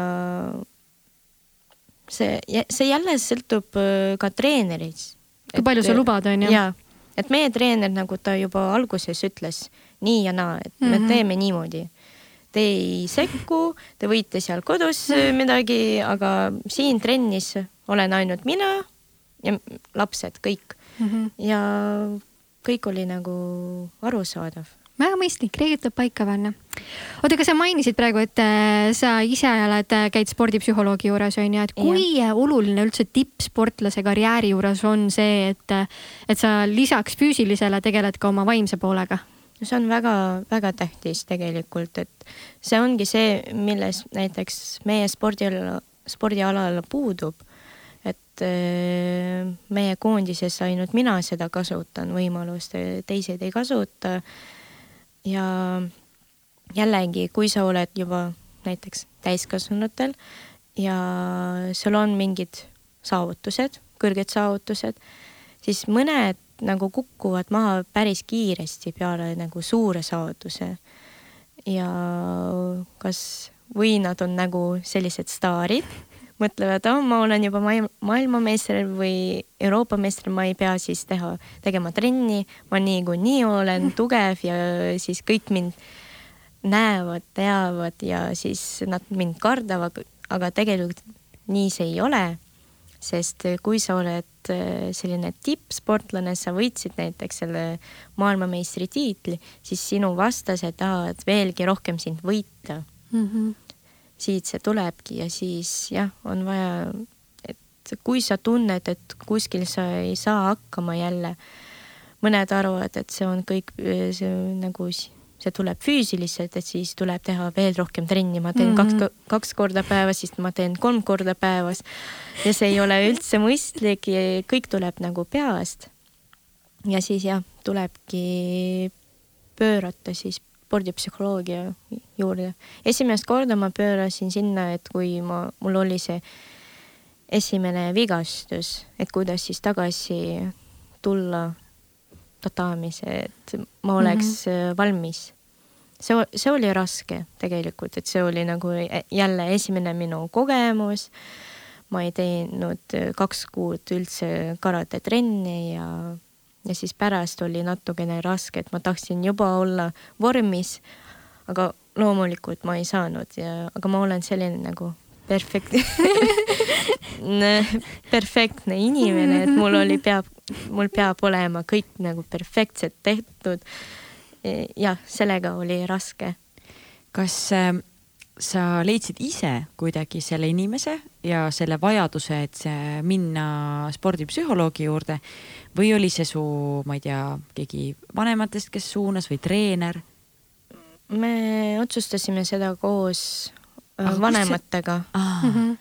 et nad lihtsalt nägid, et on, mul on natukene raske, aga ma olen selline inimene, et ma pigem ma ise äh, teen kõik korda, ise saan hakkama. ma ei hakka kellelegi nagu rääkima, et kuule, mul on selline mure, et ma arvan, et keegi üldse nagu nendel pole huvi sellest, et eh, kõik eh, on huvitatud nagu oma elust. aga aga spordipsühholoog, talle makstakse, see on, see ongi ta töö, et ta huvituks ju. eh, jah, ja, ja võib-olla mõned lihtsalt sportlased kardavad kasutada seda võimalust, miks sa arvad, miks nad kardavad? sest ma arvan sellepärast, et kui nad räägivad kellele, et nad käivad ja spordipsühholoogia juures ja siis nendest küsivad, kas sul on kõik korras mm., miks sa käid, kas sa oled hull või veel midagi ja sa oled lihtsalt ei, ma olen nagu sina, tavaline inimene. et eh, siin on nagu, see on täitsa e e teine töö võiks lausa öelda, et äh, vastata selle peale, et ei, et ma ei ole sina, ma olen veits targem kui sina, sellepärast et ma käin ja küsin abi või et ma üritan ennetada seda, et, et minuga juhtuks midagi suuremat. kas sa, kas sa mäletad äh, mingisuguseid äh, väga konkreetseid hetki ka spordipsühholoogi juures käies, mis panid sind mõtlema või panid sind kuidagi teistmoodi äh, siis nägema seda, mida sa teed? kas olid mingid küsimused, mida su käest küsiti? Või midagi, millele sa jõudsid ise vastuse? mm, vist oli, et ta küsis mind, minust, et äh, mida ma tunnen, et kui on mul näiteks äh, selline, kui ma olen kuri, et mis tunne, kust see tuleb üldse, kas see tuleb kõhust, peast või mida lihtsalt ja Mhm. ma hakkasin mõtlema ja me leidsime seda kohta, kus see on, see tunne ja ta lihtsalt ütles mulle, olgu, räägi selle tunnega ja mul oli lihtsalt, mida? et räägi selle tundega. jaa, et kui ta, et, et ütle selle tunnele, et no olgu, ole, ole siin, et aga võta tšillimalt täna, onju, ma täna ei viitsi sinuga tegeleda väga. ja nii ongi, et üldse ei tegele selle tundega. okei okay,, sa oled kuri või sa oled selline nagu passiivne võib-olla. las ta on, ise läheb nagu ära ja mul oli okei okay. ja siis teine hetk oli vist, et see oli päris selline natukene raske olukord selles mõttes, et äh, meil oli väike, ei, see ei ole väike, aga oli nagu mure. minu isa oli äh, siis haiglas ja oli selline ja raske periood ja siis mina olin nagu selline tugev äh, osa meie peres, sest äh, kõik olid nagu, emal polnud üldse Mhm. äh, energiat lihtsalt mm. -hmm. midagi, midagi teha. ja siis mina nagu kontrollisin kõiki. ja siis pärast vist äh, juba, kui kõik oli korras äh,, minu, mul oli selline nagu pingetunne, aga ma ei saanud aru, et miks mm, -hmm. sest äh, siis kõik oli korras. ja lihtsalt äh, mind küsiti, aga kuidas sinu emal käib ja mul mm. -hmm. oli nagu, nagu okei okay. aga siis ma hakkasin mõtlema, et tegelikult ja mina muretsen tema e- eest, aga ma ei maininud seda üldse, et see Mhm. selline ka, et nagu mind lihtsalt küsiti, et kuidas sinu lähedastest, Ja, kuidas nendel käib.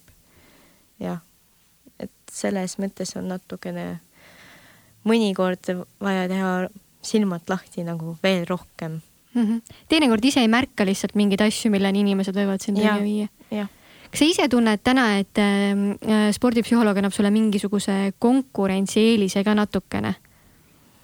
mm, ma arvan jah, selles mõttes, et jälle mina seda kasutan ja mulle see aitab ja see annab mingit nagu jõudu ja mina olen natukene veel rohkem nagu valmis. Mm -hmm. Jah. vaimselt nagu kontrollid rohkem olukorda ja onju?, ja, ja kõige tähtsam on see, et mina juba oskan nagu leida võimalusi, et kuidas ma kasutan oma energiat või, või vastupidi, et ma hoian seda energiat, et selles mõttes jälle ma olen selline inimene, et ma äh, kasutan ja annan liiga palju, palju energiat ja võib-olla mõnikord juhtub niimoodi, et mul lihtsalt pole seda energiat jälle. et selles mõttes me ka juba tegime tööd, et äh, kuidas leida mingeid tegevusi, et kus sa saad seda lisaenergiat, kas joonistamine või jalutamine ja Mis- nii edasi. tundub nii põnev. see on, see on väga huvitav. aga mis see sinu jaoks on, kust sa saad seda lisaenergiat? kui ma jalutan üksi kas metsas või lihtsalt linnas ja teen sellist nagu korralikku jalutamist, et kas kümme kilomeetrit ja viis on miinimum, viis, kümme ja lihtsalt oma mõttega jalutan või jälle kuulan mingi podcast'i. ja see on väga hea asi, mida teha, alati kuulake podcast'i. aga mis sa arvad, kas sa oleksid üksi jõudnud selle teadmiseni või see on ikkagi tänu sellele, et sa läksid ja rääkisid? tänu sellele jah. viimane küsimus siit, ausalt. oota, aga siis tuleb ju Võib sinu põhiteema, nii et siis sa pead nagunii edasi kütma. Äh, kui on näiteks keegi, kes kuulab praegu, noorsportlane, vanem sportlane, lapsevanem, kes iganes ja ta on, on hästi lähedal sellele, et minna kas siis psühholoogi või spordipsühholoogi juurde, aga tal on mingi üks tõuge on puudu, siis mida sa ütleksid sellele inimesele näiteks praegu, et miks ta ikkagi võiks selle sammu teha ja minna? sest äh, kui ta läheb, siis on kaks võimalus. Või see aitab või see ei anna midagi ja kui sa ei lähe, siis nagu sa kaotasid seda võimalust ja sa ei leia mingeid vastuseid lihtsalt. nii õige, sul ei olegi midagi kaotada, sul on ainult võita. nii äge. nii äge. Take it away okay., Sandra. okei okay,, me ma tahan rääkisime, siia ka džinglit, ma tahan nagu Sandra erisegmendi džinglit lihtsalt, kus prügi, prügi, prügi, keskkond, keskkond, planeet. ei või? ma juba tahaks kuulata seda. kas Reket võiks selle näiteks teha äkki? Davai, kohe küsime. aga me rääkisime väga palju äh, meie enda füüsilisest seisu olukorrast ja meie vaimsest olukorrast. räägime natuke sellest, mis äh,, mis maailmas üldiselt toimub. Kui palju sa üldse mõtled sellele, et mis seisus meie koduplaneet hetkel on? kas sa muretsed selle pärast? ma ei karda, aga jah, on natukene selline tunne, et ma muretsen, aga see on rohkem selline tunne, et nagu mida mina võiksin siis teha, et see maailm kõigepealt meie Eestimaa oleks nagu parem, puhtam ja nii edasi.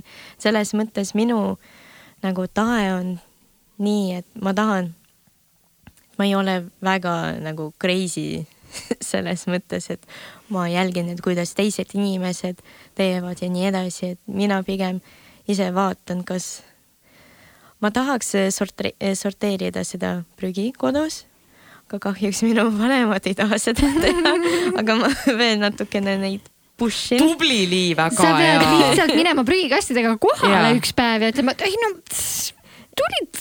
roheline on bio, see on see, see on see.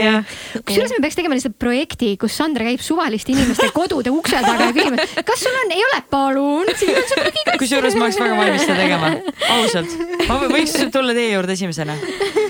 ma saaks olla see prügi, kes on see naine, kes äh, käib ja koristab kõiki äh, ko- kodusid. Netflixis on seriaal ka veel, ütle nüüd, ta on jaapanlanne. Marii, Marii Kudo, Marii Kondo. Marii Kondo, ma oleks prügi Marii Kondo Eestis, raju prügineiu tuleb, davai, sobib see võiks aidata võiks aidata, onju. aga ma arvan, siin tuleb rohkem selline nagu, kas sa oled harjunud seda teha või ei ole. ikka, ma ei ole harjunud seda teha üldse ja siis see on sama nagu sa hakkad siis oma hambaid pesta nagu sa teed seda iga päev juba lihtsalt automaatselt, et võiks seda teha nagu prügi sorteerida juba ka automaatselt. mõnikord ma ikka, kui on kuskil see võimalus, siis ma ikka kasutan seda, et nagu pudelid sinna, siis bio sinna ja paber sinna. ja näiteks eh, oli üks olukord, et kui ma pidin siis kodust viima seda prügi, prügikasti ja ma nägin, et seal on eh, isegi see koht, kuhu paber, ma tegin seda prügi lahti ja hakkasin sealt juba. täiega tubli. lihtsalt äh, virtu-, kaugelt kallistan sind lihtsalt praegu. ja mul ise oli nii hea meel, et ma nägin, et on see võimalus, olgu mitte minu kodus, vaid siis väljas oli see võimalus.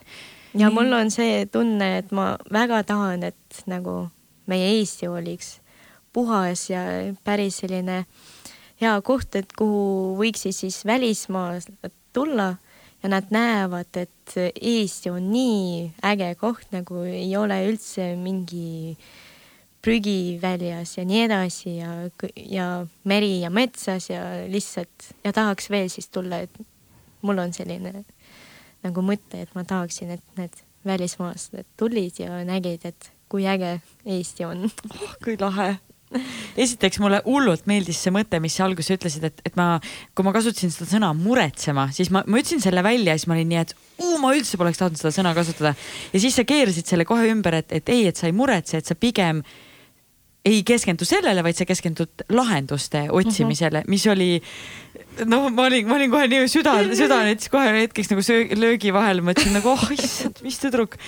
kas sa teed veel midagi, kas on veel mingisugused asjad, mida sa teed selleks, et, et loodust kui hoida? ma poes käin, siis ikka nagu, kui ma võtan need köögiviljad ja puuviljad, siis ma ei kasuta neid äh, kotte ja kui on võimalus, siis ma seda triikoodi ka ei võta mm. -hmm. nagu ei prindi, et kui võib kassas lihtsalt, et nad ise seal kaaluvad, siis ma võtan nagu lihtsalt, aa banaanid, noh, nad ise seal tegutsevad, et ja, ja kui ma, kui isa minu käib poes ja ta tuleb siis kodu ja ma näen, et seal on nii palju neid eh, plastkotte ja nii edasi, ma olen väga kuri ja siis ma ütlen, ära kasuta neid. ma olen ka jumala uhke, ma pole nagu oma vanematega poes käinud terve igavik onju ja siis, kui me nüüd Muhumaal käisime poes ja isa hakkas kilekotti banaanide jaoks võtma, ma lihtsalt nagu röögatasin ta peale, tehvatasin. et ta ei võtnudki seda kilekotti. aga ma olin ka jumala rahul iseendaga. mina Mul ka on- proovin nagu käia koos isaga, et ta ei võtaks neid kilekotti lihtsalt, et ma jälgin, mida ta võtab ja mõtle, kui hea, see on selline family time ka veel Jah. et te lähete justkui nagu vanemad arvavad, et oo, et laps tuleb meiega poodi kaasa, tahab meiega aega veeta, tegelikult laps läheb kontrollima, et, et, sa ei paneks neid banaane sinna kilekotti. ei, mul on endal ka vahel poes on see, et vaatad, keegi paneb ja siis on siuke tunne, et kas ma lähen või ma ei lähe, kas ma, kas ma Ikka nagu lähed.. Sandra, ikka lähed. vist, vist tuleb vist minna jah. Ja tasub ikka oma nina võõraste inimeste tegemistesse toppida, eriti praegusel ajal vaata. ma ei vihka seda, et kui inimene võtab kas üks seal tomat või üks paprika ja paneb siis kilekotti mm -hmm. ja ma olen nagu tegelikult, sul on vaja seda. see on, see on lihtsalt jabur, on see Jaa. sõna minu arust. aga me oleme harjumuste orjad. aga jälle nad on lihtsalt juba harjunud mm -hmm. sellega, et nagu kogu elu nad äh, on kasutanud neid kilekoodi ja siis miks nad praegu peavad siis nendest loobuda, et no nad ei saa aru kahjuks. ei, aga küll me neile selgeks teeme, ei ole siin midagi. Pole probleemi, ma arvan, me juba sellega täna siin oleme päris palju teinud. aga kui sa näiteks vaatad, noh, ütleme niimoodi, et, et me, jah, me hoolitseme selle eest, et kuidas meie siis, ei oota, ma ei saa seda niimoodi öelda. kõike saad öelda, see on sinu podcast, sa võid igatpidi ei, öelda ma, seda. ma tahaks selle, ma tahaks, ma, ma tahaks selle. kui ei sobi, siis lõigame ära. ei, ei lõika, jätame sisse, aga ähm, ma siis lähen otse, otse selle teema juurde, et kui, kui sa vaatad oma sõprus, sõprusringkonda, eks ole, ja sa vaatad äh,, kui palju te räägite sellest oma sõpradega, et mis seisus maailm hetkel on? Kas teil on selliseid diskussioone? mõnikord jah, on. aga see ei ole nagu igapäevane. aga kust diskussioon. tulevad, kas keegi algatab või lihtsalt äh, kõnnite kuskil ja vaatad, keegi vaatab prügi maas ja siis keegi ütleb, et mm,? jälle sõltub. tavaliselt võib-olla see, kui me räägime nagu minu spordisõpradest, siis eh, kas, kui me oleme kuskil võistlustel ja siis me näeme näiteks, mis olukord on eh, teises riigis ja siis tulebki see vestlus, et ja hakkame siis nagu otsima nende võrreldusi, et eh, ja näit- ja tegelikult näeme ja hakkame tundma, et eh, Eestis on parem kui näiteks samas Prantsusmaal. kui me olime Pariisis, siis me märkasime, et kui must Pariis on. et jaa, seal on need ilusad kohad, kohtad ja seal ei ole nagu nii must ja aga kui sa lähed kuskile natukene päris rajooni. jah, siis on äh, selline kurb. aga näiteks äh, Tallinnas, kui sa lähed, kas, kas oled sa Õismäel või Kristiines või kesklinnas, et äh, peaaegu on sama olukord. Aga mul on tunne, et mina pean olema jälle see kuri tädikene, kes hakkab tasapisi siin äh, otsi kokku tõmbama selles osas, et mul ei ole selle on, vastu midagi, ole, meil on veel terve hunnik teemasid, mis on käsitlemata. Üks nendest on äh, tegelikult see ka, et sina oled sellel aastal siis äh, Sportlandi spordikampaania üks nägudest. Ja nii nagu ikka nende kampaaniate eesmärk on ikkagi see, et eeskätt inimesed hakkaksid rohkem liikuma, et vahet ei ole, kas vanemad inimesed või nooremad inimesed, aga inimesed lihtsalt liiguksid rohkem. Mis sina arvad, mis oleks selline sõnum, mis mõjuks reaalselt nii, et inimesed hakkaksid trenni tegema? või no tõesti liikuma, ei pea isegi trenni tegema, liikuma lihtsalt, jalutama võtke nüüd oma paberid ja pliiatsid välja. ja eeskätt ja eriti noored, sest see on nagu, mulle tundub eriti probleemne koht praegu. noortega on selline probleem, tead, mina arvan, et nad liiguvad peaaegu piisavalt, sest praegu meil on nii palju neid äh, võimalusi käia spordiklubidest Mm -hmm. ja nad käivad isegi, sest vanematele on ka lihtsam, et yeah. nad teavad, et minu Trenni. on trennis, et kõik, kõik on korras, ma võin tegeleda siis oma äh, asjadega, aga lihtsalt äh, rohkem on äh, probleem selle toitumisega. et miks siis lapsed on praegu sellised Mm -hmm. Natuke pehmemad. ja, jah. ülekaal on see sõna. mulle meeldib pehme sõna on nagu nii nunnu sõna, et see ei ole aga nagu nad ei ole nunnad, kui nad on ülekaalus. ja aga sõnum vist äh, me ju, et kui sa tahad, et äh, sa oleksid nagu terve, selle jaoks tulebki siis teha midagi, siis sa ei raiska raha käi-, käimis kas äh, apteekis või mm -hmm. juba, kui sa istud seal äh, haiglas. et selles mõttes et mõned äh, inimesed minu arvates äh, käivad äh, nagu spordi tegemas sellepärast, et nad, nendele ei meeldi, et kuidas nad näevad mm, Mhm. -hmm. et kuidas nad tunnevad, aga siin ei pea olema see ei, et sa tahad lihtsalt olla parem, sa tahad äh, tunda ennast nagu äh, rohkem äh, enesekindlalt ja ja seepärast sa siis liikud.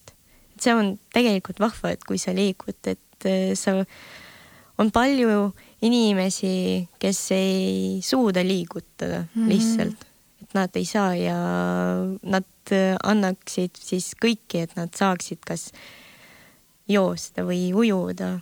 et selles mõttes meil on jälle, meil on kaks jalad ja kaks äh, käed, palun tee meil midagi. vedanud, lihtsalt täiega vedanud. jah, aga see on väga ilus mõte, et me peaks mõtlema liikumisest ja trenni tegemisest äh, positiivse tonaalsusega, mitte et ma ei taha paks olla või ma ei taha nagu mis iganes asju, et pigem Mhm. lihtsalt, et ma tahan olla tervislik, ma tahan liikuda, onju, see on väga õige tähelepanek. ja kulukam on äh, mitte liikuda kui liikuda.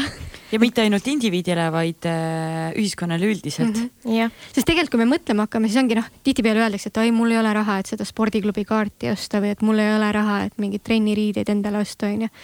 Aga noh, lõppkokkuvõttes on kulukam, kui sa ei liiguta ennast ja alati on alternatiive spordiklubidele ja alati võid tavaliste ja kui sa ei liigu, sa istud näiteks äh, kodus, vaatad telerit mm. -hmm. tahad süüa, siis äh, palun Wolt. kus see McDonalds on Sa, samad rahad siis äh, Lähevad kokku tegelikult onju. ja pean tunnistama, et äh, on väga palju kahe, teise ringi poode, kus on väga häid äh, Jaa! spordi, spordiriiete valik on väga hea, et, et, et see on lihtsalt, kusjuures ma täna sõitsin siia ja rattaga tubli. ja, ja, ja tead, mis on või? okei okay,, nüüd on, nüüd on, aitäh, Kairit, selle teema eest tõid, sest et mul on, point on lihtsalt selle, et ma sõitsin rattaga, ma jätsin oma telefoni unustasin koju.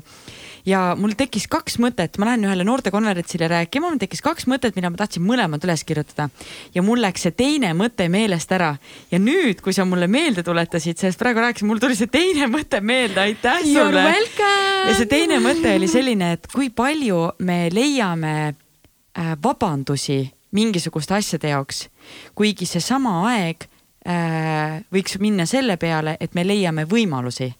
et kui keegi ütleb, et äh, ma ei tea, et mik- küsib su käest, et miks sa ei lähe trenni, siis või et tee seda, mine sellesse trenni, siis me alati kuidagi leiame vabanduse, et miks ma ei saa seda teha. Versus see, et okei okay,, aga ma siis leian sellel ajal nagu võimaluse seda teha. Et miks see on nii, miks me oleme lihtsamad on vabandused., aga, aga. see ei ole alati lihtsam, ma ei, ma ei, ma ei mis asja, ma võin sulle kümme vabandust siin praegu tulistada puusalt lihtsalt. ma olen väsinud, mul on palju tööd, mul ei ole raha, ma ei, mul ei ole riideid, ma. aga mulle tundub, et ja ma saan väga hästi aru, mis sa silmas pead ja see on tema, jumala õige ja, ja ka mul on selliseid, selliseid hetki tekib. aga see on selline quick fix, me oleme äh, kodeeritud äh, mõtlema lühiajaliselt, me oleme kodeeritud ja see on, see. aju tahab lihtsalt väljapääsu. täpselt ja see on, see on, see on, see on midagi sellist, mis on lihtsalt meie inimloomuses sees, et meid, me kasvasime nii, et äh, külm, vaja süüa äh,, küti, et aga sa, ei- sa ei mõtle selle peale, et, et, et see on pikas perspektiivis, mul on vaja olla sportlik inimene, et, et ma ei tea, kuhu ma selle rändiga tahtsin jõuda, aga lihtsalt aitäh aga. tervislik. tervislik, just, väga õige, lihtsalt lihtsalt ole enda vastu hea. sest mõned arvavad, et kui sa hakkad siis tegelema spordiga, siis kõik see on nagu tippsport ja. Crossfit läheb. ja, ja tulevad kõik need vigastused ja kõik need hullud jutud, mis siis meid puudutab mm. -hmm. aga nagu tavalised inimesed, nende jaoks on lihtsalt. Jalutamine. jah, jah. tervislik. oota, aga sinu nii-öelda treeningpäev ei ole siin lihtinimese päeva moodi, et nagu me juba teame, sinul on täna üks trenn tehtud, teise sa veel lähed. räägime natukene sellest, et milline üldse näeb sinu nii-öelda treeningplaan välja, et kui palju sa trenni teed, et olla maailma tipus? Äh, ma teen siis kokku kümme, kaksteist trenni nädalas ja üks trenn kestab äh, miinimum siis poolteist tundi ja siis sõltub, tavaliselt hommikul ma teen nagu füüsilist trenni jõusaalis ja see võib olla ka kahetunnine trenn. õhtul siis juba ma teen oma klubikaaslastega, kas see on karatetrenn või natukene selline nagu mikstrenn, seal on karate ja selline spetsiaalfüüsiline ettevalmistus. ja siis nagu minu tavaline päev näeb niimoodi, et hommikul ma ärkan kuus pool seitse ja liigun siis oma esimesele trennile, teen trenni ja siis pärast juba sõltub, et äh, kas mul on töö või äh, mingid teised tegevused, kas äh, seal kohtused, kohtumised ja nii edasi ja siis pärast õhtul kell kuus tavaliselt mul on teine trenn. ja peale teise trenni juba liigun tagasi koju ja seal natukene puhkan, veedan aega oma perega ja kell kümme magama My kind of girl. mul on alati nii naljakas, kui Sander kirjutab reaalselt mingi üheksast või kümnest, ma nüüd lähen magama, ma olen mingi. ma lähen tunni aja pärast jooksma nagu, ma ei tea, millega sa tegeled. But that's life. oota, jõusaalitreening, mida teie jõusaalis teete, mida nagu karate jaoks seal tegema peaks? mm,. meil on selline nagu rohkem plahvatus ja ki-, kiire spordiala mm, -hmm. aga selle jaoks tuleb ka nagu jõukad teha. ikka kükid ja, ja kõik asjad. ja kõik need ei pääse teie ei pääse keegi aga jälle nagu see sõltub hooajast, kas see on ettevalmistushooaeg või juba võistlushooaeg. kui on võistlushooaeg, siis me rohkem nagu keskun-, keskendume selline plahvatuslik jõud, plahvatuslik kiirus, selline seega vastupidavus ja siis sa võid teha jõukaid, vaat, aga selline, et lihtsalt nagu kerged mm. -hmm. et lihtsalt äh, lihasid ei kaotaksid oota, aga kas te kardiot ka ikka teete või see nagu no tegelikult meie karatetrenn, see on juba kardio mm. -hmm. tegelikult, aga mõnikord ma teen kardiot jah. kas sa oma pulssi ka kuidagi jälgid või? Ja ikka jälgin nagu mis sul keskmine pulss võib olla ühe, ühe karate trenni ajal, kas sa tead? mm, keskmine kuskil sada viiskümmend, sada kuuskümmend. jah, või see võib ka tõusta m- mõngi nagu ülesandel, kas sada kaheksakümmend, kui tuleb nagu tõ- tõeline selline maksimumtöö. mm? -hmm. aga näiteks kui ma jooksen, lihtsalt nagu tavaline jooks ja näiteks ma meie laagris jälgisin, et kuidas siis minu pulss seal muutub ja minu pulss nagu tavaline jooksu ajal oli sada kuuskümmend viis, sada seitsekümmend.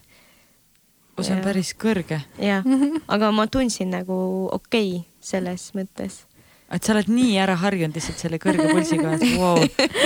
ma, ma annaks otsi, see on nii hull. aga ähm, kui sa mõtled selle peale, et äh, sa oled väga-väga pikka aega nüüd treeninud, kui palju mm, erineb sinu praegune treening siis taktika äh, sellest, mida sa näiteks tegid äh, viis-kuus aastat tagasi? see on täitsa teine ja kas see on, sõltub, kas see on nüüd sellepärast, et sa lihtsalt spo kuidagi sporditeadus on edasi arenenud või see on väga teadlikult, et äh, sellepärast, et sa oled tüdruk, sa oled selles vanuses olnud, sul, su metoodika on muutunud, et millest see mm. Muudatus? pigem selles, et äh, ma sain seda teadusi ja ma siis vahetasin nagu vanusekategooriat ka mm. -hmm. et äh, ja nagu ma jõudsin lihtsalt tipp selle tipuni, et kus on vaja juba teha sellist trenni, et ehk siis sul läks hardcore imaks läks trenn põhimõtteliselt jah? jah, jah. ja elu natukene muutus ka, et äh, kui ma lõpetasin kooli, ma koolisin siis äh, Tartus ja Tartu Ülikooli ja hakkasin seal õppima. aga mul läks vaid kaks kuud, et ma saaksin aru, et ma ei saa siis äh, sama nagu tempoga samal ajal äh, olla nagu tippsportlane ja ma siis äh, otsustasin, et ma liikun nagu tagasi Tallinnasse ja keskendun vaid spordile, siis ma, siis ma saan nagu kõik oma eesmärgid no kui sa oled perfektsionist, siis ikka peab ikka Jaa, nagu kütma ühte. juba ülikoolis ma ei saanud nagu seal ja seal olla ja mm. -hmm. Et tuli valida. aga kui palju te üldse treeningutes, kui palju räägitakse sellest, et äh, mõtlen, kuidas ma seda nüüd ilusti panen. lihtsalt disclaimer'ina, et äh, spordis on hästi oluline see, et tegelikult äh, oleks meestel ja naistel natuke, mehed ja naised on ehitatud erinevalt. meil on paratamatult erinev äh, rütm, juba ööpäevane, kuine rütm. kui palju teile räägitakse sellest, et äh, tüdrukud ja poisid peaksid natuke teistmoodi trenni tegema või et äh, erinevates kuufaasides tüdrukud ongi er teistsugused, sest et te teete ju hästi palju trenni koos. kas sellest räägitakse? ei, kahjuks ei räägitakse, aga jälle, kuna meil on selline individuaalala, siis äh, ja meie treener, ta positsioneerib ennast nagu, et ta on selline superpsühhoolog mm. -hmm.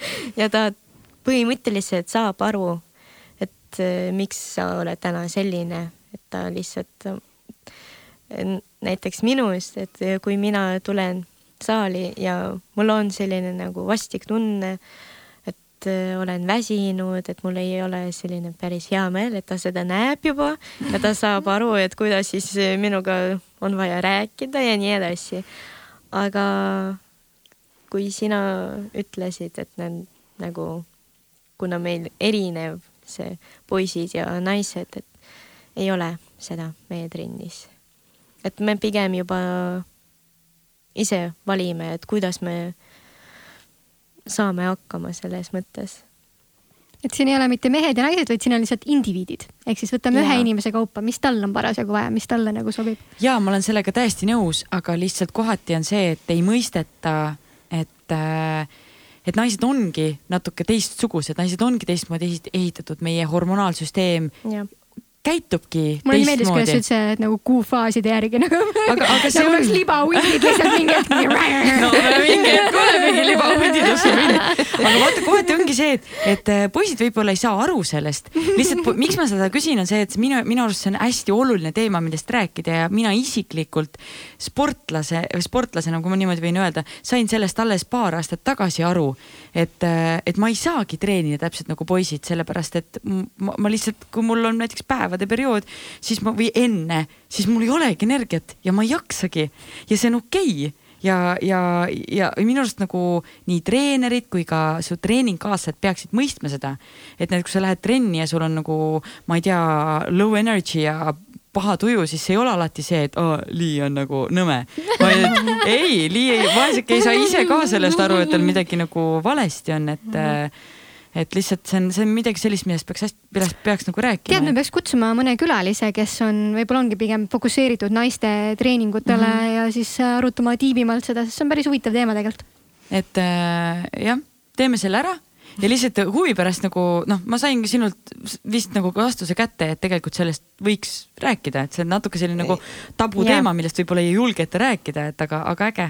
aga ei, see on päris vajalik asi tegelikult ja mõnikord ikka juhtub niimoodi, et nagu võib-olla poisid saavad aru, et miks sa mm -hmm. oled praegu selline, aga nad teevad sellest päris nalja mm -hmm. ja näiteks kui tüdruk on kas neliteist aastat vana või viisteist, siis see, ta võtab seda natukene teistmoodi, et eh, nad teevad nalja ja siis ta ei taha juba nagu jälle tulla sinna, isegi mm. kui on mingi selline periood. võtab südamesse. ja, ja ma arvan, et see ei ole ainult neliteist, viisteist, see on ka, ka, ka täiskasvanud inimestele, et, et noh, nii et poisid, kui te tunnete, et te tahate veel kord teha seda, oh, tal on päevad nalja, siis palun ärge tehke.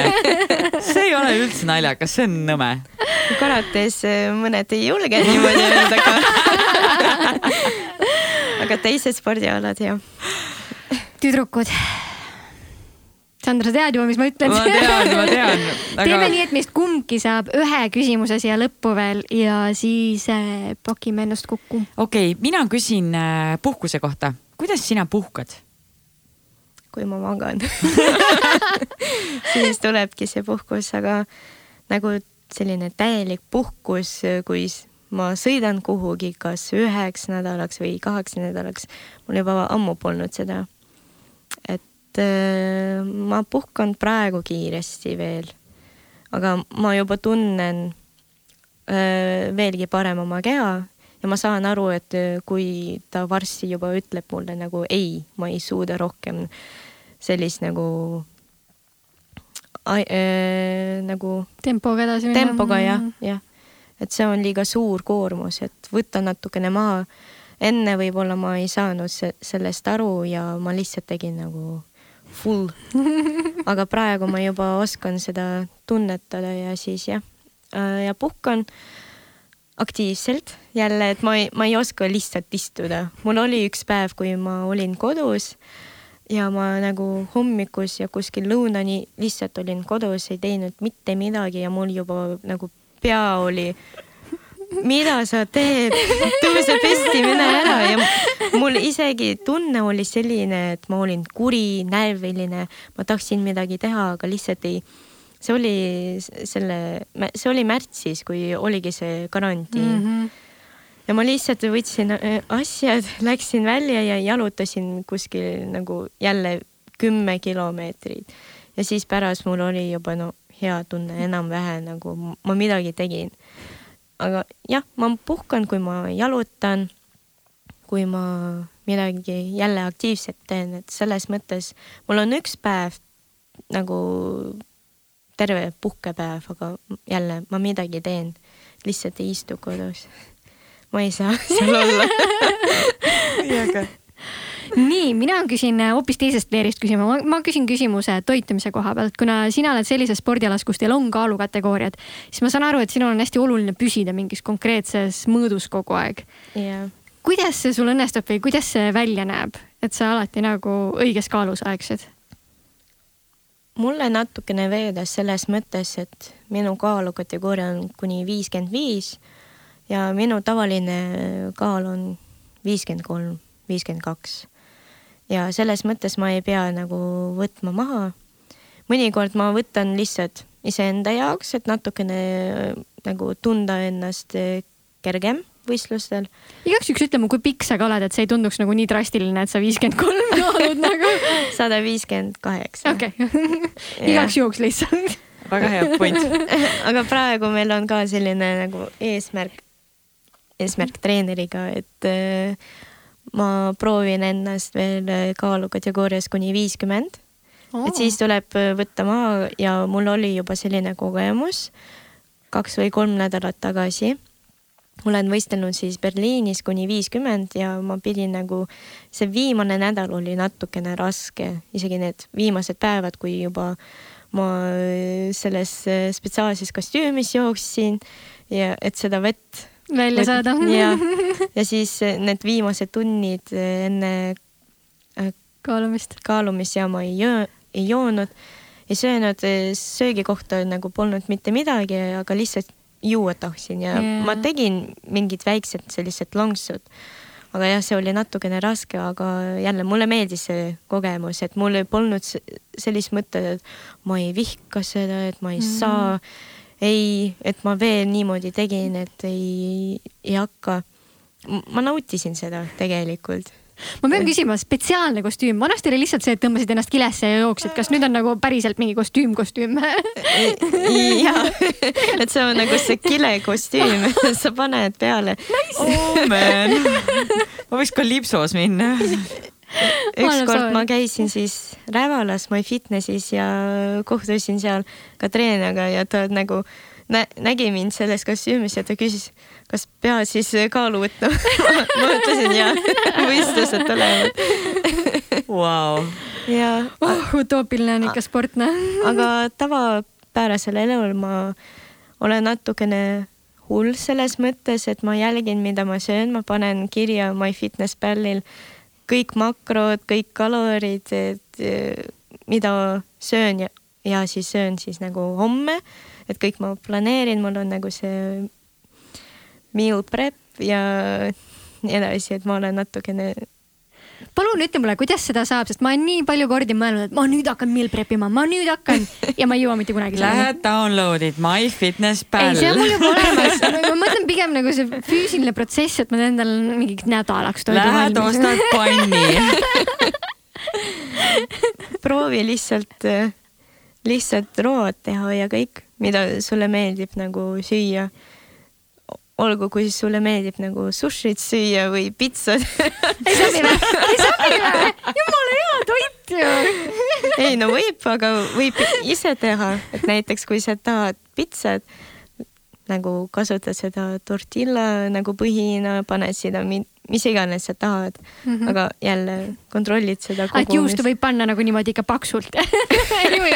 ei või? ei toimi või? minu arust küll tohib, minu arust on äh, crime, kui panna juustu pitsa peale. pitsa äh, ilma juustuta, see ei ole pitsa. ei ole pitsa, onju. kurat, abi jumal, kurat nii tühi praegu. Ei, selles mõttes ma, väga, see on väga õige, et tegelikult et esiteks tuleb lihtsalt kuskilt pihta hakata ja teiseks sa tead lihtsalt siis sellisel juhul, mida sa endale sisse paned ja see just spordi puhul ja tegelikult vahet ei ole, kas sa oled sportlane või mitte mm. -hmm. et see, mida sa, see on lihtsalt nii lihtne lause et.... enesetunne muutub kohe lihtsalt. ja see, mida sa sööd. see sa oled. ja, ja, ja nii ongi, inimesed kuidagi ei mõista seda et kui sa paned endale mingit pappi põhimõtteliselt kehasse või mingisugust. ei, ma panen ainult komme, ma ei tea, mis need endast ei no ja vahepeal võib seda ka süüa, aga ei, asi on põhimõttes jah, väga äge. ja näiteks äh, kui ma pole söönud nagu öö, päris öö, kaua aega igasuguseid seal šokolaadi, küpsiseid ja kooke üldse ei söönud. ma ei tahtnud. väga hea, jäi mulle rohkem. ja ka minuga ka. ja siis oli üks õhtu, et ma võtsin, okei okay,, lubasin endale, et nagu no tahaks midagi sellist nagu kooki, et ma mm, komme ma üldse ei söö, mulle ei meeldi ja siis šokolaadi ka ei tahtnud, aga ma mõtlesin, no on vaja midagi magusat võtta. Võtsin, okei okay,, seal mingi toorjuustu kooki. ma sõin seda ära ja siis järgmisel päeval mul oli nii vastik tunne nagu, nagu ma olen joonud alkoholi aga see oli nagu söögi kehal oli pohmakas lihtsalt, mis asja, see ei olnud salatileht, miks sa mulle nii. jah, ja siis. mu tortillapitsa ja selline ka kogemus, et kui sa ei ole nagu kaua aega seda söönud, siis sinu keha jälle on harjunud. ja siis tulebki see mingi rämpstoit, ma ei tea, ja tulebki see pohlakas.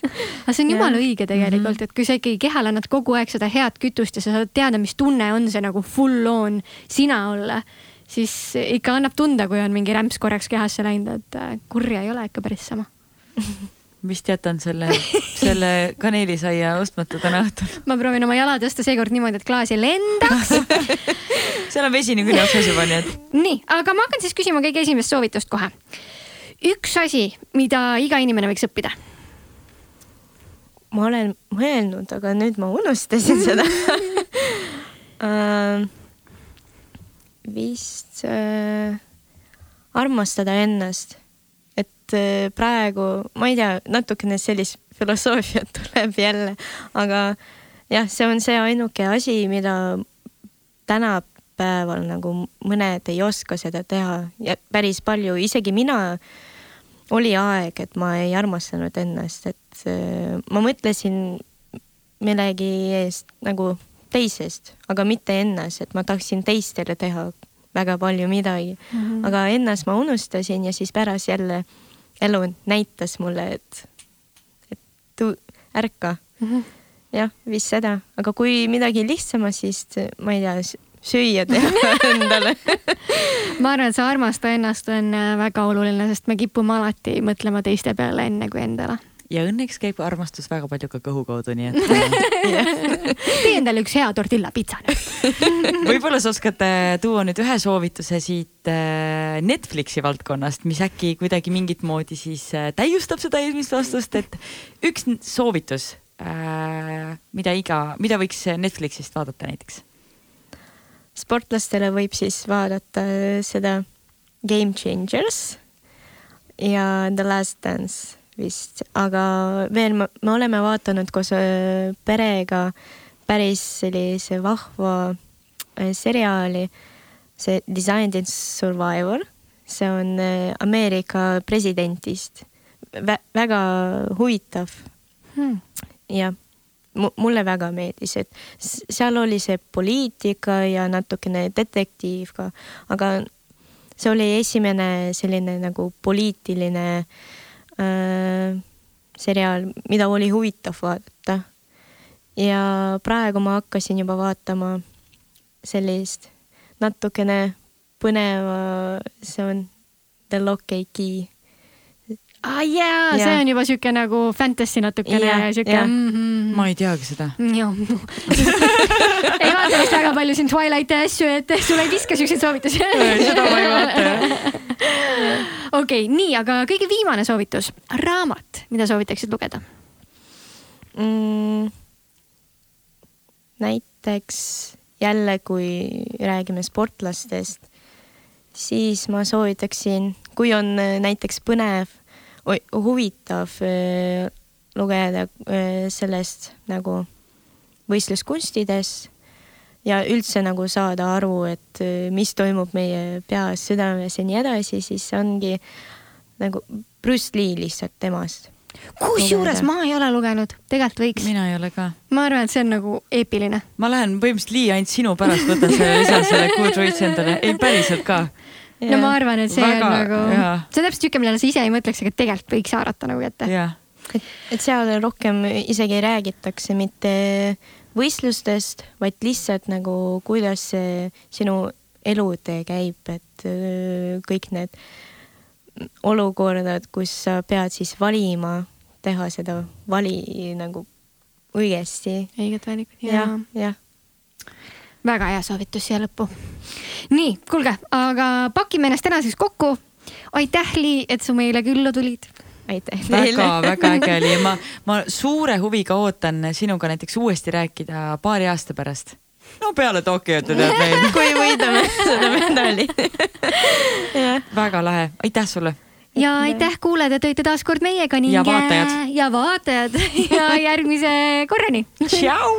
tšau. Sportland, Be First podcast